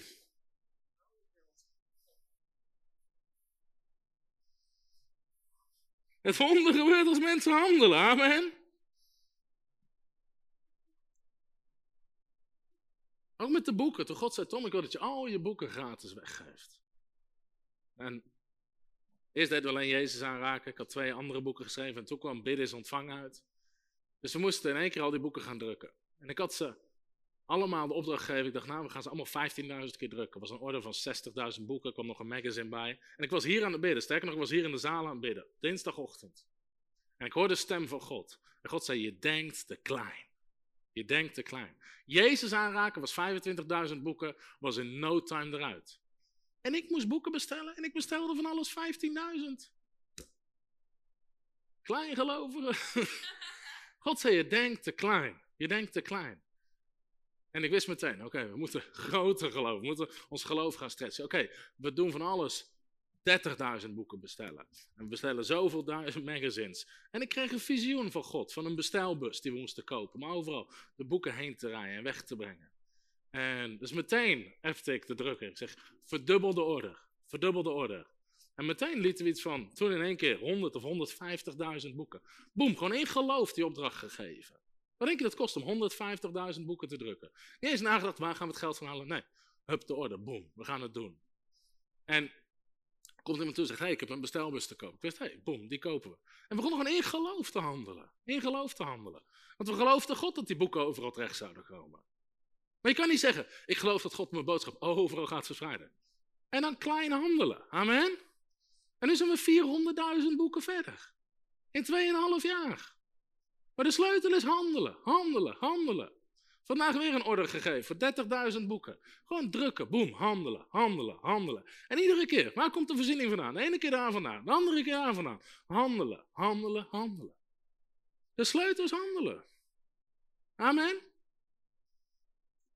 Wanneer beginnen er dingen te gebeuren? Als je gaat handelen. Dus soms moet je mensen helpen om te handelen. Kijk, Smit Wigglesworth deed dat wat radicaal. Er kwam er iemand verlamd naar voren. En dan pakte diegene gewoon beter en begon mee te sleuren. Net zolang tot diegene begon te spartelen met zijn benen omdat hij schrok. En dan genazen ze. Dan genazen ze. In genezingsdiensten zeg ik altijd. Als we bidden, of we nou handen opleggen, vanaf het podium bidden.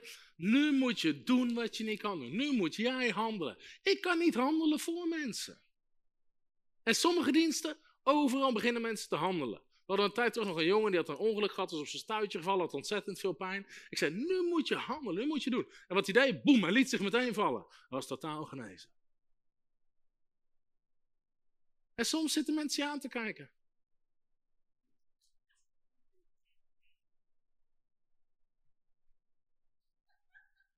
Is dit het? En er gebeurt niks. En er gebeurt niks. Zie de kracht van de Heer is om het te genezen. Maar wat moeten mensen gaan doen? Ze moeten gaan handelen. Handelen. Zodra mensen gaan handelen, beginnen wonderen te gebeuren. Ik deed een geneesdienst in, in het noorden van het land. Stefan was erbij. Er was daar een, een meisje, een jonge meid. En wat ik niet wist, is die stond voorin. Ik was aan het preken, stond op het podium. Zij stond voor mij voorin, links. En ook in die geneesdienst. Ik zeg, ik bad gewoon vanaf het podium. En wat ik niet wist, ze had een ongeluk gehad en haar knie zat vast met een stalen plaat en schroeven. Dus ze kon de knie niet buigen. En ik zei, nu moet je doen wat je niet kan doen. En wat deed dat meisje? Boem, liet zich op de knieën vallen om Jezus te aanbidden. En ze zakte door de knieën heen. En ze, ze zat op de knieën, te huilen, te huilen, te huilen, te huilen. ik wist, oké, hier gebeurt iets, maar ik weet nog niet wat. Maar hij zegt, joh, wat is er aan de hand? Hij zegt, dat ik heb een stalen plaat in mijn knie. Ik kan mijn knie niet eens buigen. Maar zodra ik zei, nu moet je doen wat je niet kan doen. Boem, liet ze zich op, op de knieën vallen. En de staal in het lichaam. Ik weet niet of het verdween of wat de Heer ermee deed. Maar ze genas. Op het moment dat ze handelden. En zo we verhaal na verhaal. Weet je, heel vaak hebben we in genezingsdiensten zoveel mensen dat we niet iedereen persoonlijk handen op kunnen leggen. Dus wat we vaak doen, laten we mensen op een A4'tje schrijven. Met een viltstift. In één woord waar ze voor in geloof staan om vanaf te komen. We deden het laatst ook nog in Friesland. Gewoon honderden mensen in rij. En er was zoveel kracht van God. Er was gewoon honderden mensen in rijen. Het enige met olie langslopen. Wees genezen in Jezus' naam. Wees genezen. En zij moeten hun geloof erop zetten. En je ziet altijd, boem, de mensen die daarna beginnen te handelen, die genezen die genezen. We deden het ook in Groningen. Er was een, een jonge dame, Nahal heette ze. En ze lag in het ziekenhuis, want ze had een zwangerschapsziekte, dat heette hyperemus gravidarum. Nooit van gehoord. Maar het betekende, ze was zwanger en ze kon helemaal geen eten binnenhouden. Alles wat ze at kwam er meteen weer uit. Dus ze lag in het ziekenhuis aan infuus, aan infuus, aan infuus, aan en voeding. Zie, ik combineer het in één ding. Daarom ben ik ook geen dokter geworden. Doe alles maar door dat slangetje. Kom vast goed. Geef er maar een infuus.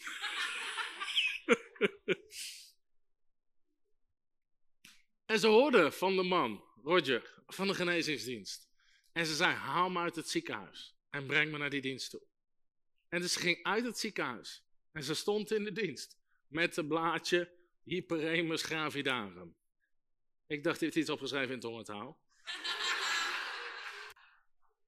En ik kan me niet eens herinneren, het enige wat ik zei, wees genezen in Jezus' naam. En we doen het nog geen halve seconde. Want meer tijd hadden we niet, er waren nog honderden mensen. En ze ging naar huis en ze kon niks binnenhouden. Het eerste wat ze doet, ze ging naar huis, liep naar de koelkast en begon te eten, te eten, te eten. En ze was totaal genezen, halleluja. De kracht zit in mensen die handelen. Als je echt geloof hebt, ga je handelen. Amen. Amen. Nou, T.L. Osborne. Hoeveel kennen T.L. Osborne? Amen. Van de campagne op het Malieveld. In 1958 deed hij een campagne op het Malieveld. Waar iedere dag ongeveer 100.000 mensen aanwezig waren. Je kan het opzoeken op YouTube, Holland Wonder.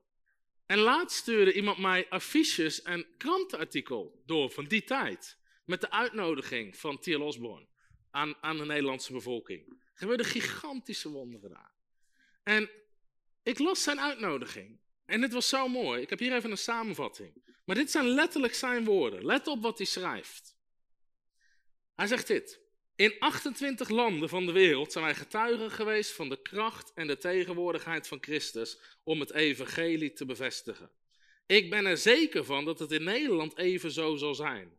Ik ben er ten volle van overtuigd dat alle dingen mogelijk zijn, indien wij de mensen bewegen kunnen te geloven en te handelen naar het woord van God. Ik zal zijn woord verkondigen. Dit zal geloof wekken. De mensen zullen geloven en als ze hiernaar handelen, zal God het bevestigen. Amen. Zijn affiche in de krant was al gewoon een preek. Maar zie je dat hij precies die stappen van geloof beschrijft? Hij zegt, als wij de mensen kunnen bewegen te geloven en te handelen naar het woord van God. Ik zal zijn woord verkondigen, dit zal geloof wekken, de mensen zullen geloven en als ze hier naar handelen, zal God het bevestigen. Amen. Weet je, het evangelie is niet moeilijk. Daarom komt Thiel Osborne ook. Mijn geestelijk vader Jan Sjoerd Pastenkamp werkte samen met Thiel Osborne in Papua Nieuw-Guinea en in Australië. En maar het werkt overal hetzelfde. Er zijn video's van hem ook in Frankrijk. Mensen zeggen, maar Frankrijk is een moeilijk land. Er zijn video's van mensen gewoon massaal rolstoelen, krukken, allemaal de lucht in in Frankrijk. Het is overal hetzelfde. Het enige wat je moet doen is, je moet het woord verkondigen, amen. Je moet het woord van geloof prediken. Predik geloof, predik het woord.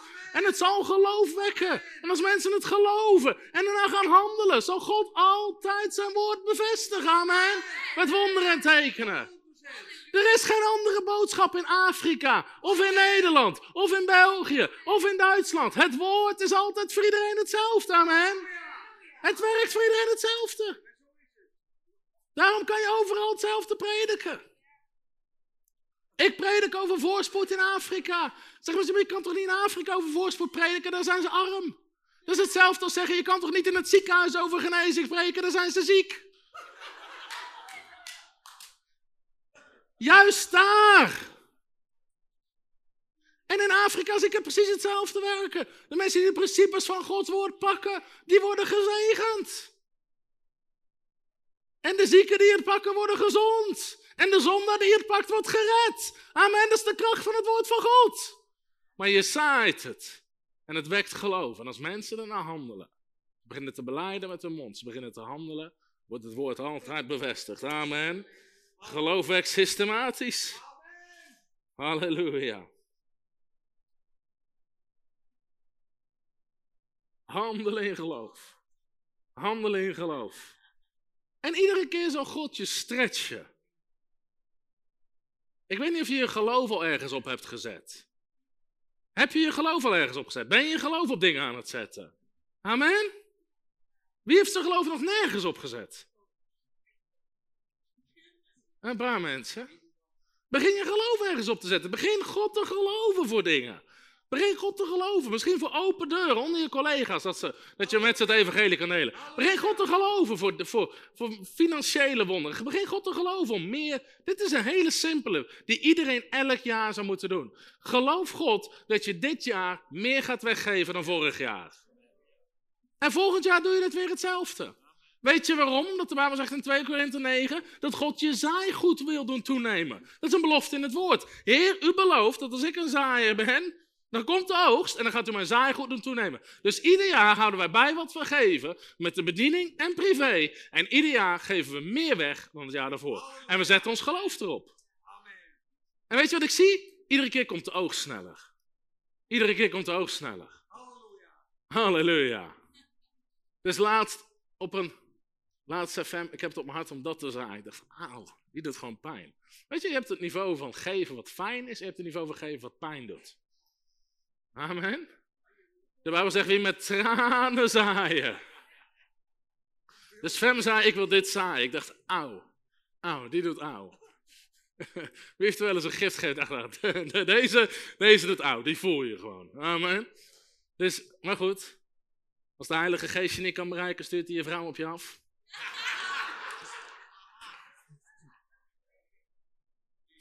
Dus we zaaiden het.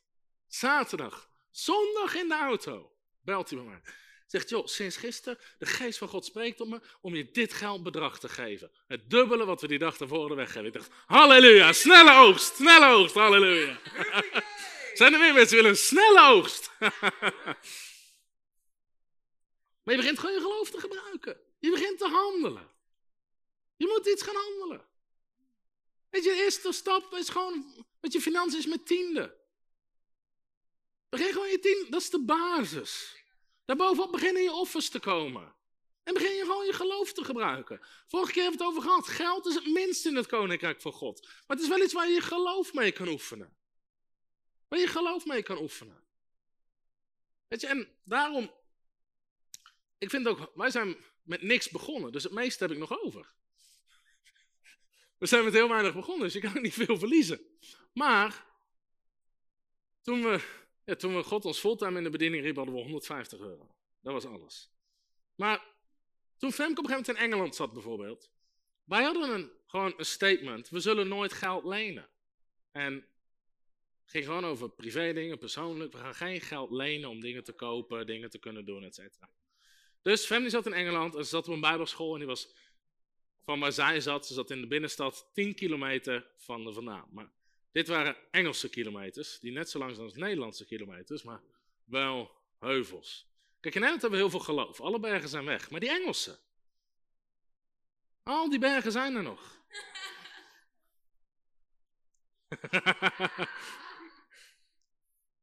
dus het waren bergen, heuvels, kringelweggetjes, 10 kilometer lang naar de Bijbelschool toe. Nou, meestal deed Femke het op de fiets of ze deed het uh, met de bus. Buskaartje kostte 2 pond of zo, dat is 2,50 euro zoiets. En we hadden persoonlijk statement, we gaan nooit, we hadden gewoon, zo leefden we. We lenen nooit geld en we vragen nooit geld van mensen. We leven uit geloof. Dus ze ging vaak met de fiets. Op een gegeven moment was de fiets kapot en toen had ze geen geld meer. Het kostte 20 pond om die fiets te laten maken. Dat geld had ze niet, dus ze liet die fiets staan. Maar ze had nog iets van 18 of 17 pond. Dus vanaf dat moment ging ze iedere keer met de bus naar school. Maar goed, uiteindelijk na een dag of 7, 8, was het geld op, ook voor de buskaartjes. En toen, op een ochtend, ik weet nog om 6 uur s morgens, het stortregende. En stort, het stormde echt. En de geld was op voor de bus en de fiets was niet gerepareerd. En het was echt hondenweer. Dat je, gewoon, dat je naar buiten kijkt en denkt, oh nee, dit gun je niemand om hierheen te gaan. En, en dus Fem die belt mij, s morgens vroeg, ik was in Nederland. Ja, mijn geld is op. Ik heb geen geld voor de bus, geen geld voor de fiets. Alleen, er was nog een kamergenoot, een huisgenoot, Danielle heette ze, zegt, joh, zal ik die om twee pond vragen voor de bus? Ik zei, nee, we lenen geen geld. We lenen geen geld. Zeg, wat moet ik dan doen? Ik zeg, dat weet ik niet, maar we lenen geen geld. Ik wist het wel, maar als ik dat zeg, dan... Uh... We moesten nog trouwen. Zie je, de buiten was nog niet binnen. ik zei, nou, we lenen geen geld. De fem zei, je hebt gelijk. De fem zei, nou, dan ga ik lopen. En ze ging 10 kilometer lang. Heuvels, op, af. Echt in stortregen, stortregen, stortregen. En door te handelen in geloof brak ze ergens doorheen. Want dat was de laatste dag dat ze financieel gestruggeld heeft in Engeland. Het was alsof ze iets doorbrak. Vanaf dat moment, boem, kwam er van alle kanten voorziening, geld. Dat niemand verder iets wist, maar het was een statement. Je geloof wordt beproefd. Of je het echt gelooft. Of dat je laatste moment toch inzinkt, terugstapt. We gaan nog een avond hebben over de beproeving van geloof. Maar je geloof wordt beproefd. Maar de Bijbel zegt, beproefd geloof is kostbaarder dan goud. Is kostbaarder dan... Waarom? Je weet dat het echt is. Goud moet ook. Je hebt heel veel nepsieraden, maar als het beproefd goud is, als het verhit is, als het. Weet je, dan weet je, oké, dit is puur goud. Hetzelfde met geloof. Je weet pas of je geloof echt is als het beproefd is. En het heeft te maken met handelen. Handelen. Blijf je doen. Ook als alle natuurlijke. En soms, is, soms komen er juist die hele makkelijke dingetjes. Van, oh, ik kan toch even die om 2 euro vragen? En dan begint met 2 euro. Maar zeven jaar later komt er iemand en zegt: hey, je kan 2 miljoen lenen. Zie je? Van 2 euro of 2 miljoen. Alleen de vraag is: hoe ga je ermee om? En je blijft gewoon handelen in geloof. Handelen in geloof. Dus ook als mensen zeggen: ja, we kunnen het ons niet veroorloven om tienden te geven. Dan denk ik: joh, je hebt geen idee. Ik kan het me niet veroorloven om ze niet te geven. Ik heb de zegen nodig. Amen. Handelen in geloof. Handelen in geloof. Ik zou verhaal na verhaal kunnen vertellen over handelen in geloof. Maar er is niemand in de Bijbel die deed wat God zei en faalde.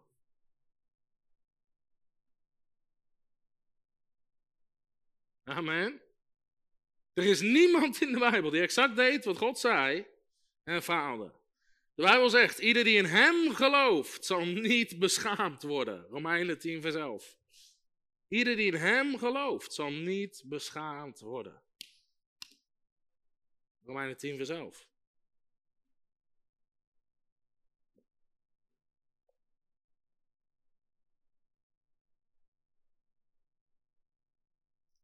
Ieder die in hem gelooft zal niet beschaamd worden. Ik wil vanavond kijken, omdat ik wil niet spreken, gaan we het volgende week over hebben. Bidden de keer daarna. Ik wil vanavond kijken, misschien ook mensen die online kijken, of ik wat vragen kan beantwoorden over geloof. Omdat we nu verder in de lessen zitten, gaat het wat makkelijker. Ieder die in hem gelooft, komt nooit beschaamd uit. Nou, geloof is niet hetzelfde als roekeloosheid. Maar het kan er wel heel veel op lijken. En soms is geloof roekeloos. Soms ook wat mensen zeggen, ja, maar dat is niet wijs. Hebben ze het over aardse wijsheid. Aardse wijsheid. Waarom? Wijsheid functioneert, vaak de wijsheid wat mensen over hebben, functioneert vanuit je verstand. Maar geloof functioneert vanuit je hart. Geloof ziet de dingen die nog niet te zien zijn. Dus het, natuurlijk is dat geen wijsheid. En daarom ook, als je mensen helpt, als je mensen discipelt, heb je wijsheid nodig soms om te onderscheiden. Hey, wat ze aan het doen zijn, hebben ze hier geloof voor of is het wishful thinking? Dan moet je kunnen onderscheiden om mensen te helpen. Dus met dit gebouw, Jan Sjoerd, pastor Kams, mijn geestelijk vader. Ik belde Jan Sjoerd op. En Jan Sjoerd is een mooi voorbeeld. Jan Sjoerd is een, was een geweldige mentor en geestelijk vader. Ik belde Jan Sjoerd op, vertel dat verhaal. Ik zeg, Jan Sjoerd, ik denk dat God zegt dat we dat gebouw moeten doen. We hebben het geld niet. Ik zeg, we hebben ook meer geld nodig in, nu in, in zes weken tijd. En anderhalf jaar is binnengekomen. Ik leg gewoon de situatie. Ik zeg, maar ik geloof dat God het zegt. En Jan Soert zei dan, ik ga erover bidden. Ik ga erover bidden. En uiteindelijk kwam hij dan terug, zei joh Tom, ik denk dat je hiermee door moet gaan. Weet je, nou, hij steunde, hij stond achter je. Hij zei niet meteen van, oh, ik denk dit of dat. Hij wilde eerst God horen. Hij wilde eerst God horen. En hij zei ook niet van meteen, oh, ik denk ook dat God dat zegt. Maar hij, hij, proeft het. Heb je er geloof voor? Ik denk dat dit van God is. Dan zei hij, oké, weet je, doe het. Doe het. Weet je, ook als je mensen gaat discipelen in geloof, heb je soms wijsheid nodig van, oké, Daarom soms als ik mensen zeg, ja, ik geloof God echt dat God me dat hotel gaat geven. Ze hebben nog nooit een euro ontvangen in geloof. Misschien moet je ergens anders beginnen. Dan heb je soms wijsheid nodig om mensen te helpen. Amen. Handelen in geloof. Handelen in geloof. Als je geloof hebt, ga je handelen. En geloof zonder daden is dood geloof. En pas op het moment dat jij begint te handelen, beginnen dingen te gebeuren. Dus ik wil je echt aanmoedigen, ga je geloof op dingen zetten. Die gaan gebeuren. En het kunnen kleine dingen zijn. Het kunnen grote dingen zijn. Weet je, maar je leert om je geloof te gebruiken. Toen Chloe, Chloe is nu twee weken oud. In het begin kan je het heel makkelijk onthouden, dan kun je gewoon weken tellen. Maar, die tweede nacht, zei de kraamhulp, de tweede nacht is altijd een heftige nacht, bereid je maar voor. Ik zei, nee, bereid me voor op een hele goede nacht. Bereid me voor op een hele goede nacht. En je, zet gewoon je geloof erop. Dan ging om tien uur s'avonds slapen, ik werd om zeven uur s morgens wakker. Maar heel veel mensen gaan meteen ergens op. Maar je moet leren, ook met dat soort dingen. Begin je geloof ergens op te zetten. Begin de gunst van God te verwachten. Begin de goedheid. Gewoon dat soort dingen. Zeg gewoon de gunst en goedheid van God is op mijn leven. Vandaag ga ik Gods gunst zien. Vandaag ga ik Gods goedheid zien. En je begint je geloof op dingen te zetten. En dingen beginnen te veranderen. Dingen beginnen in je voordeel te komen. Amen. En God gaat je overtreffen. Amen. Boven bidden en boven denken. Kijk, de kunst is niet wat God wil geven. Het ding zit wat wij kunnen ontvangen. Amen. Het heeft te maken met waar je zelf je geloof op zet. Dus dat voorbeeld waar ik mee begon met die auto. Ik had ook kunnen zeggen, nou heer, ik geloof u voor een Daihatsu van 12 jaar oud. Had ook gekund. Had ook gekund. Weet je dat heel veel mensen... God werkt waar jij geloof voor hebt, hè? Weet je dat ook heel veel bedieningen, heel veel kerken, ze zitten gewoon zwaar onder het niveau waar God ze wil zegenen, maar hun geloof komt niet verder. Iedereen verwacht dat ze dat de spreker in een oude kapotte auto aankomt rijden? Waarom niet in een nieuwe? Waarom niet? Mensen moeten erin getriggerd worden. Ik sprak laatst nog iemand, in een bediening. Iemand had een nieuwe auto gegeven. Ik zei, ja, ja, ja, ik vind het toch wel lastig. Ik zeg, joh, al koop je een groene, een gele en een blauwe, kan jou het schelen? Breek er nou eens uit. En altijd wat mensen ervan vinden. En ga je geloof er gewoon op zetten.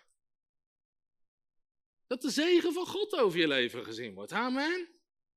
Mensen horen jaloers op je te zijn, niet medelijden met je te hebben. Maar zeggen, hé, hey, hoe kan dat? Zegt zegen van God. Zegen van God. Uh, hoe kan het dat jullie altijd gezond zijn? Zegen van God. Hoe kan het dat jullie dit? Zegen van God. Hoe kan het dat wanneer niemand een huis kan kopen, dat jij een huis kan kopen? Zegen van God. we horen te getuigen van de goedheid van God. Amen. Dat we een goede vader hebben. Amen. We hebben een goede vader. Dus ik wil je echt uitdagen. Ik ervaar dit in mijn geest. Begin je geloof te zetten op de goedheid van God. Op de goedheid van God. Dat de goedheid van God manifest zal worden in je leven de gunst van God manifest zal worden in je leven.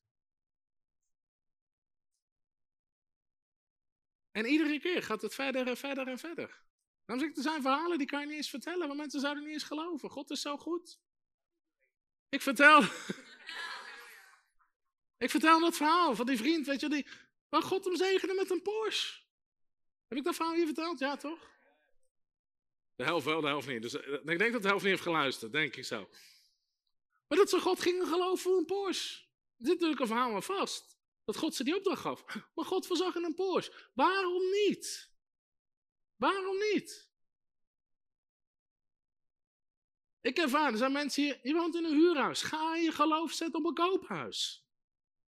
Ga je geloof zetten op een koophuis. Begin je geloof ergens op te zetten, amen. Er zijn mensen die misschien ben nog nooit naar het buitenland op vakantie geweest. Begin je geloof te zetten om naar het buitenland op vakantie te gaan.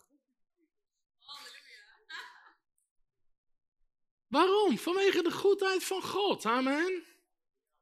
De Bijbel zegt, God voorziet ook in alle dingen rijkelijk om van te genieten. Ik geloof echt dat soms christenen veel te terughoudend zijn. En nogmaals, weet je, als je gewoon vrijgevig bent, je zaait, je bouwt het koninkrijk, je mag rijkelijk van alle dingen genieten zonder je te schamen. Vinden mensen moeilijk? Heb je nieuwe schoenen? Uh, ja, ze waren in de aanbieding. Kom op, dat is het eerste wat mensen zeggen. Zeg gewoon, ja, ik zag ze, vond ze mooi, ik heb ze gekocht. Wat is het probleem? Zeg gewoon, dat is de goedheid van God. Amen. Dat is de zegen van God. Amen. Halleluja, prijs de Heer. In geloof. Oké, als mensen vragen hebben, ook hier in de zaal, steek even je hand in de lucht. Of als mensen online vragen hebben. Zijn er mensen, hoeven niet per se alleen over deze les, ook dingen die we voorgaande les hebben behandeld. Over geloof, genezing, dingen die ermee te maken hebben, voorziening. Kijk, hier gaan een aantal handen de lucht in.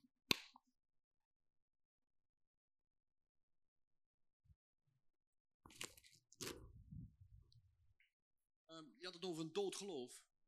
Heeft dat ook met behoud te maken?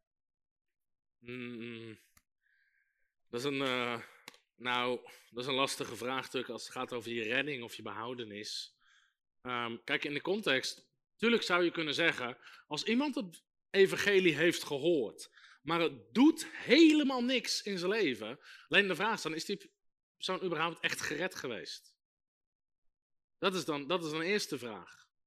Als het helemaal niks doet of niks uitwerkt, dan is, maar dan zou mijn vraag niet zijn, veel is die persoon uh, zijn redding kwijt, maar is die persoon überhaupt, heeft het überhaupt iets gedaan in zijn leven? Is het überhaupt in eerste instantie echt gered, bekeerd, wedergeboren geweest? Want de eerste geloofshandeling is al dopen. Dus er moeten meteen handelingen gaan volgen. Komt wel zeg maar uit de zware religieuze kringen. Dat vind ik wel een dingetje, zeg maar. Ja. En, en wat, wat, is dan precies het dingetje? Nou, dat ze zeggen, uh, ze zeggen wel dat ze, hè, ze zijn zeer wettisch, zeg maar. Ja. En dan, uh, maar, maar, maar, er gebeurt nooit wat, wat in geloofshandelingen, zeg maar, waar wij het hier over hebben. Dat, Nee. dat, dat, dat was voor vroeger. Kijk, als het gaat over ehm, gewoon de geloofshandelingen die aan je redding gekoppeld zitten. Je gelooft met je hart. Je beleidt met je mond dat Jezus Christus Heer is. En je laat je dopen. Dat zijn meteen geloofshandelingen die aan jouw redding gekoppeld zitten. Kijk, die andere dingen die ik deel, er zit misschien aan genezing gekoppeld of aan voorziening. Of het zit aan andere dingen, zeg maar, gekoppeld. Maar kijk, je kan dat wel vragen. Iemand heeft het woord van het evangelie gehoord. Maar die beleidt niet met zijn mond dat Jezus Christus Heer is. En die wil zich ook niet laten dopen. Ja, dan vraag ik me wel af. Dan is het dood geloof. Dan doet het niks. Een heftig verhaal. Hm? Dan wordt het een heel heftig verhaal. Ja, dat wordt voor sommige mensen een heel heftig verhaal, ja. Ja, En dan hebben we nog een taakje te doen. dat klopt, ja. Er is nog, er is nog veel werk te doen, ja.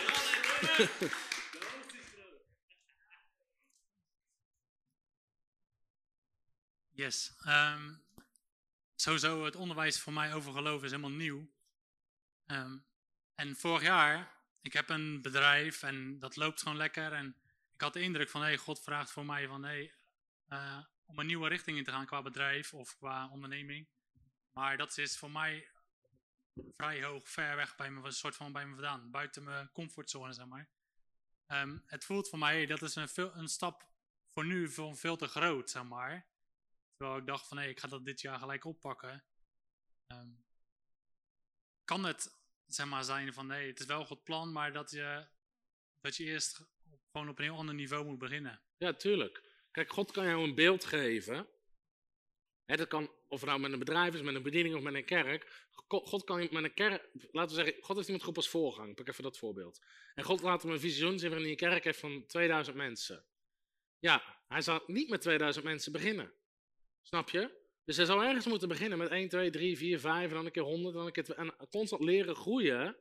En daar je geloof vertrouwen totdat je daar bent. En met een bedrijf geldt hetzelfde.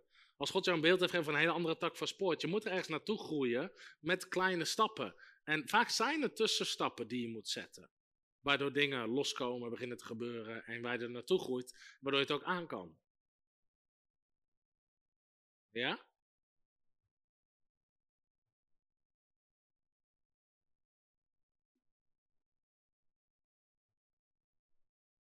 Nou, ik- eh, trouwens, om op jouw vraag te komen, dat staat ook in de zaaier, de gelijkenis van de zaaier. De eerste zaad wordt gezaaid op de harde grond, de steen. En de duivel neemt het zaadwet zodat hij niet zalig wordt. Dat is de eerste. En de tweede gelooft voor een tijdje, snap je? Dus dat zijn mensen die uiteindelijk niet zalig zijn, omdat het hart nog hard is, zo zie ik het dan. Maar goed.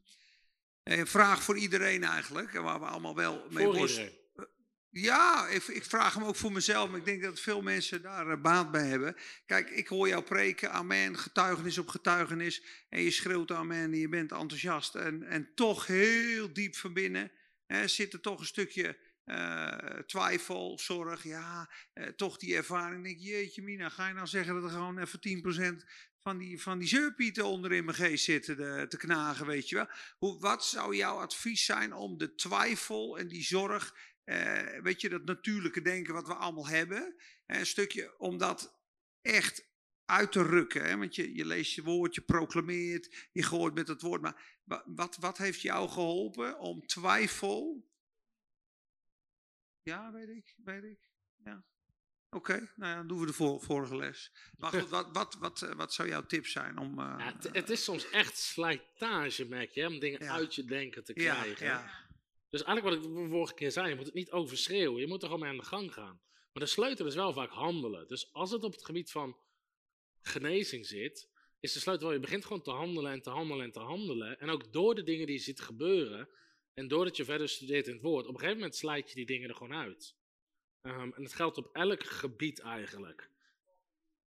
Ja, kijk, en je moet ook wel een verschil maken tussen twijfels die in je hoofd komen en wat echt in je geest zit. Want ik geloof in je, in je geest, in je hart heb je gewoon geloof, ondanks dat je aangevallen wordt met gedachten van twijfel. En dat moet je op een gegeven moment afscheiden. Van oké, nee, dit is gewoon niet. eh, dit is niet wat ik geloof. En je begint gewoon te handelen naar wat je wel gelooft. En het, en het kunnen hardnekkige dingen zijn. Hè? Het kunnen echt, echt bolwerken in je zijn, die je er echt helemaal uit moet, uit moet slijten.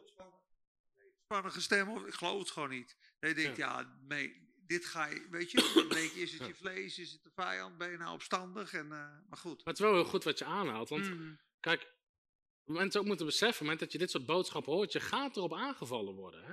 Dus dat is ook wat Jezus zegt in die gelijkenis van de zaaier. Het woord wordt beproefd. Er staat, er komt beproeving omwille van het woord. Mm. Dus zodra jij zegt, nou, laat ik dat geloof voor genezing eens gaan doen, Mm. dat gaat beproefd worden. Mm. Dat geloof voor financiën gaat beproefd worden. Al die, Ja. daar zit de duivel bovenop natuurlijk, Ja. om dat te tackelen, dat dat geen vrucht draagt. Dus we zien dat ook vaak met mensen die aansluiten bij de bediening of wat dan ook. Dat op een gegeven moment komt er beproeving, aanval los in hun leven. En als je het overwint, sta je heel veel sterker. Want dan heb je Mm. getuigenissen die je meedraagt. Amen. Maar als mensen dan verslagen worden, Ja. dan zit er in één keer echt een bolwerk waar ze mee moeten dealen. Ja. En wat is daar weer de sleutel? Is het handelen. Want Jezus zegt, met de stormen, die stormen komen. Maar degene die mijn woorden hoort en ze doet, die blijft staan in de storm. Amen. Dus het zit gewoon blijven staan op het woord en het gewoon blijven doen. Dank je. Daar is nog een vraag.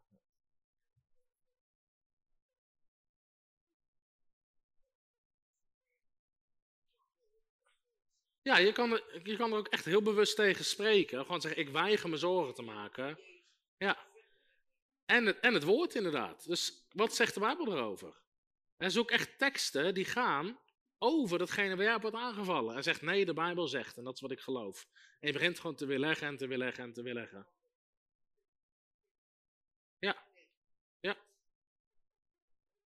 Ja. Ja. Op les wordt er minder, ja. Dan gaat er gewoon een effa.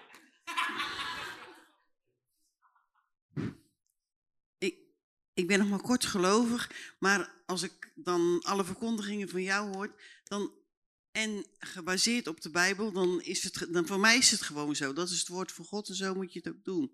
Alleen dan zit je in de kerk en dan is er iemand die valt van de trap, krijgt een dwarslesie en dan wil je daarvoor gaan bidden en dan wil je er naartoe. En dan zegt ze, ja, al wordt alleen mijn hand maar genezen, maar ik wil gewoon dat ze die, die eh, scootmobiel een trap geeft en eruit stapt. Amen. Maar wat moet je dan doen? Als zij dan tegen mij zegt, ja, al genezen. En dan doet ze niet tegen mij, maar tegen de, de mevrouw die Hmm. naast mij zit. Maar dan zegt ze, ja, al geneest alleen mijn hand maar. Ja. Maar ja, heeft het dan zin om daar te gaan zitten bidden? Nou ja, dat is eh, een hele goede vraag. Kijk, Jezus zegt daarover in Matthäus 18, hè, je moet eenstemmig met iemand bidden. Dus je moet Ja, instemmen. Kijk, wat je wel eens kan doen in zo'n situatie, dit is trouwens sowieso, als je mensen tegenkomt die meerdere ziektes of dingen hebben, Mijn ervaring is, target ze één voor één.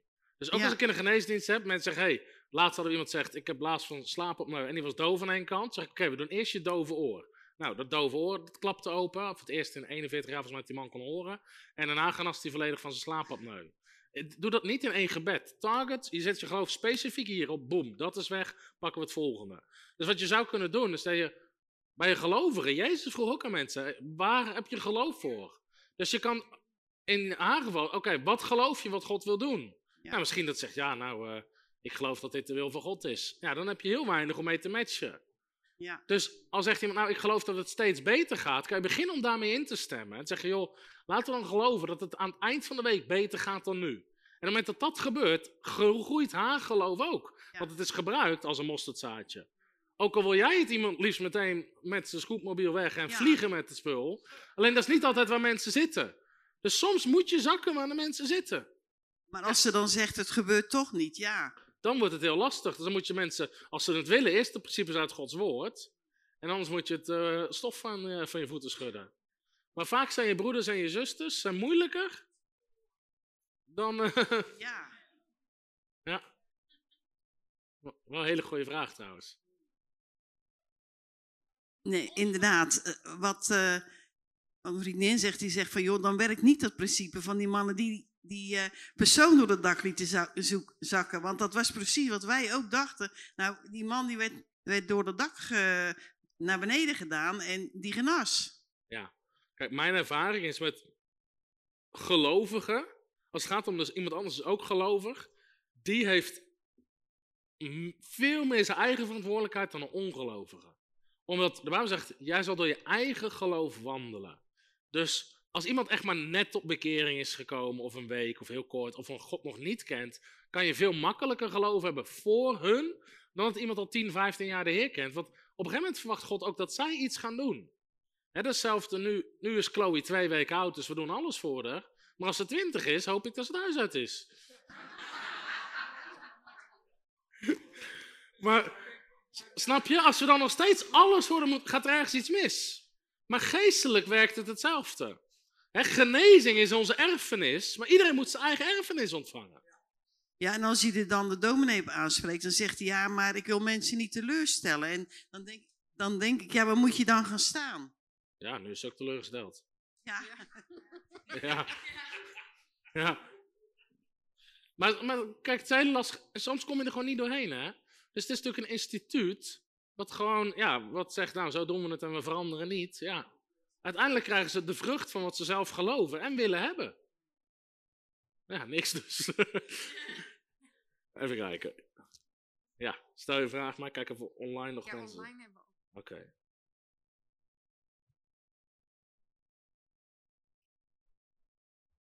Stel. Heeft iemand nog een mic of niet?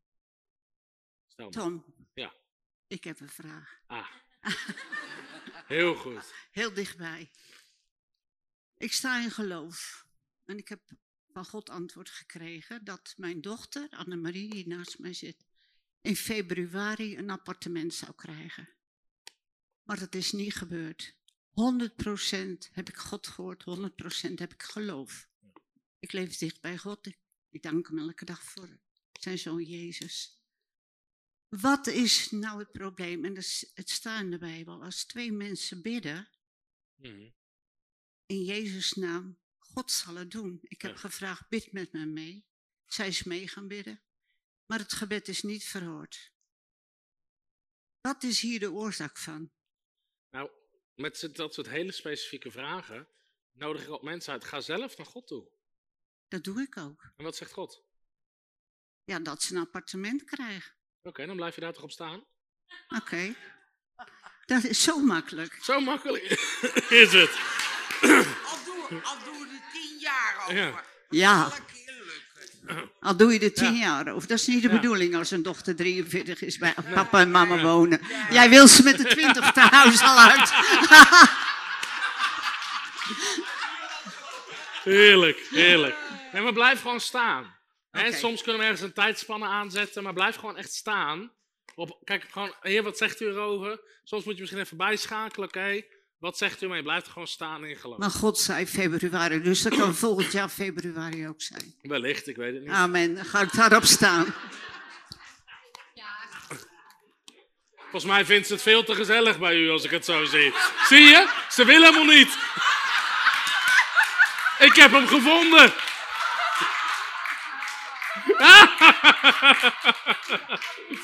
Oh. Schitterend, schitterend, schitterend.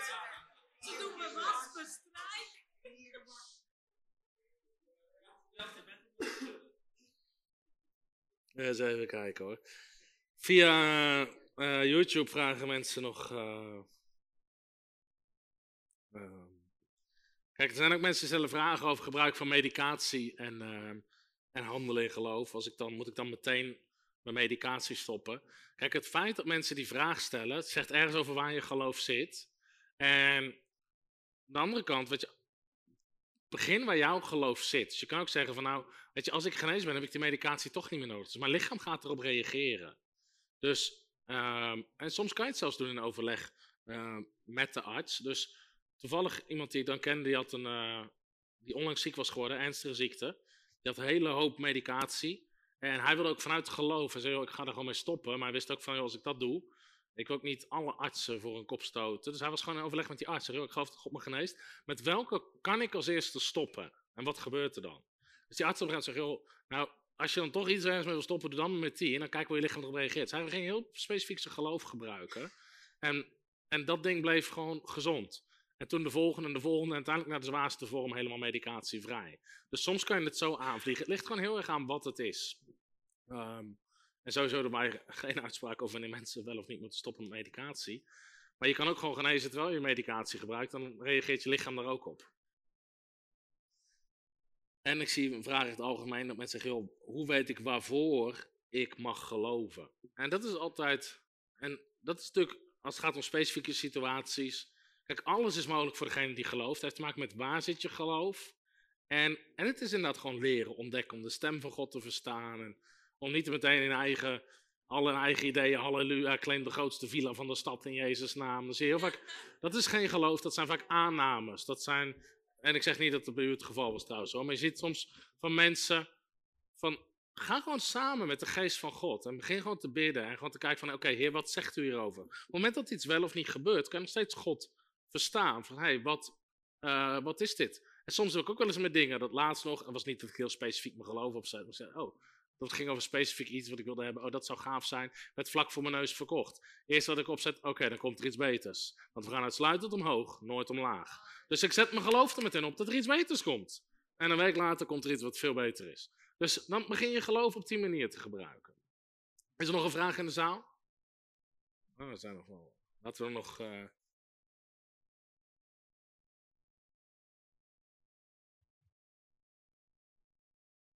Ja, ik, uh, ik merk dat ik steeds meer zeg maar, wel uit kan stappen voor mensen om voor ze te bidden. Dus ik heb ook wel gehad dat voor een vriend van mij die bijvoorbeeld niet gelovig is, uh, dat zijn rugpijn uh, weg was. Dus het had resultaat. Ja. Maar ik denk, ik zet, dus ja, ik ben wel blij dat, dat uh, ik telkens wat meer zie, zeg maar. Cool. En ook voor in de gemeente mensen die met demonie te maken hebben, dat, dat er steeds meer doorbraak komt op dat gebied. Ja. Um, maar ik merk, als ik dan bijvoorbeeld uh, voor mezelf wil bidden, bijvoorbeeld, ik denk ik zet net gewoon even mijn bril af of zo, want uh, dat ik gewoon niet meer nodig heb om mijn lenzen in te doen of dingen. Maar dan zit er toch nog iets of zo waarvan ik denk dat het tegen, ja, wat is dan zeg maar het residu in mij wat me ervan weerhoudt, zeg maar, nou, voor mezelf te geloven? Hele goede vraag. Want ik denk net, ik, ik zet hem gewoon af en ik wil jouw gezicht weer zien zoals ik zie met mijn bril. Dus ik zet hem gewoon af, maar ja, snap je? nou, ten eerste, kijk, ten eerste is dat denk ik dus ook, die les verwar dit niet met geloof. Hè? Soms doen we toch snel een aanname of hoop. Um, dus dat is een belangrijk ding. Mhm. En het is makkelijker om geloof te hebben voor een ander, want jij voelt het niet. Ja, precies. Dus daarom is het makkelijker om geloof, de geloof te raken voor iemand anders die pijn heeft en je handen erop te leggen en zeggen: pijn ga weg in Jezus naam, want jij voelt het niet. Het wordt, als, zodra je iets voelt, in je eigen lichaam, dan begint, dat, dan begint pas echt van, oké, wat geloof ik echt nu? Wat mijn lichaam hier vertelt wordt het woord van God. En dan begint die strijd. Dus het is vaak makkelijker om voor een ander te geloven dan voor jezelf. Dat is gewoon zo. Omdat het zo, ja, het predik meteen tegen je, om het zo maar te zeggen. En dan denk je toch meteen, oh nee, het werkt niet. En dan zie je gewoon hoe, hoe snel dat gaat. Ja, ja. Ja? Laten we er nog twee doen, want ik zag nog twee mensen hier. Hier eentje en ik zag daar, daar nog iemand. Ja.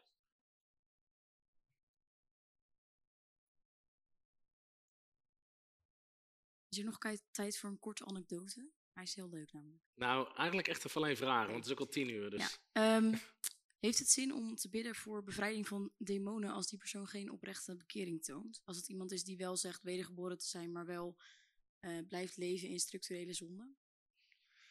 Nee. En dus natuurlijk, je kan iemand bevrijden, maar ze komen gewoon weer terug. Dus daarom, eh, het kan wel. Dan komen er dus even ergens terug, maar dan vond ik er achteruit drijven. Maar, eh, dus kijk, bekering is wel heel belangrijk. Dus ik zou altijd aansturen op bekering. Sterker nog, als mensen net te radicaal bekeren, zie je soms dat ineens bevrijding meer nodig is. Dus het gevaar is ook dat mensen altijd in een slachtofferpositie terechtkomen waar ze gebed van een ander nodig hebben. In plaats van gewoon dat ze zichzelf radicaal bekeren en hun denken gaan vernieuwen. Het gaat om christen, hè? Ja? En de laatste vraag.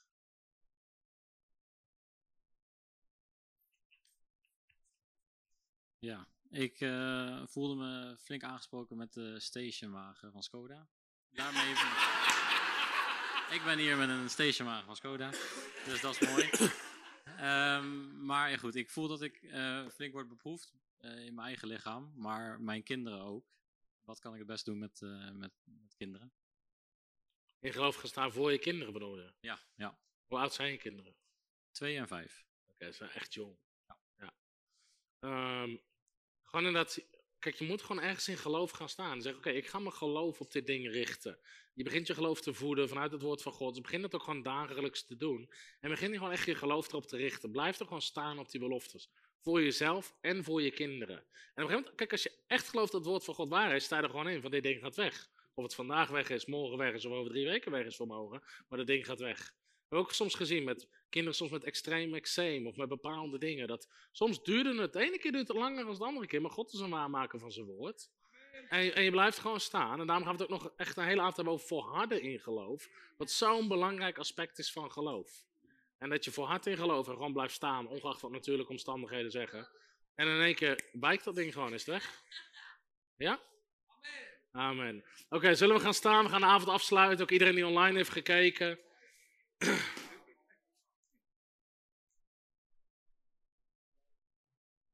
Halleluja. Ben je gezegend vanavond? Halleluja. Dank u, Vader, voor deze les over handeling, geloof, geloof vrijzetten. Heer, wat ik ook ervoer, gewoon die extreme gunst, die zegen wil ik ook vrijzetten over ieder die hier is en ieder die online kijkt. Heer, dat we getuigenis na getuigenis zullen krijgen van extreme gunst en zegen in de naam van Jezus. Heer, en ook over alle getuigenissen van mensen die handelen in geloof. En alle vrucht hieruit voort zal komen in de machtige naam van de Heere Jezus Christus. Amen en amen. God zegen en wel thuis.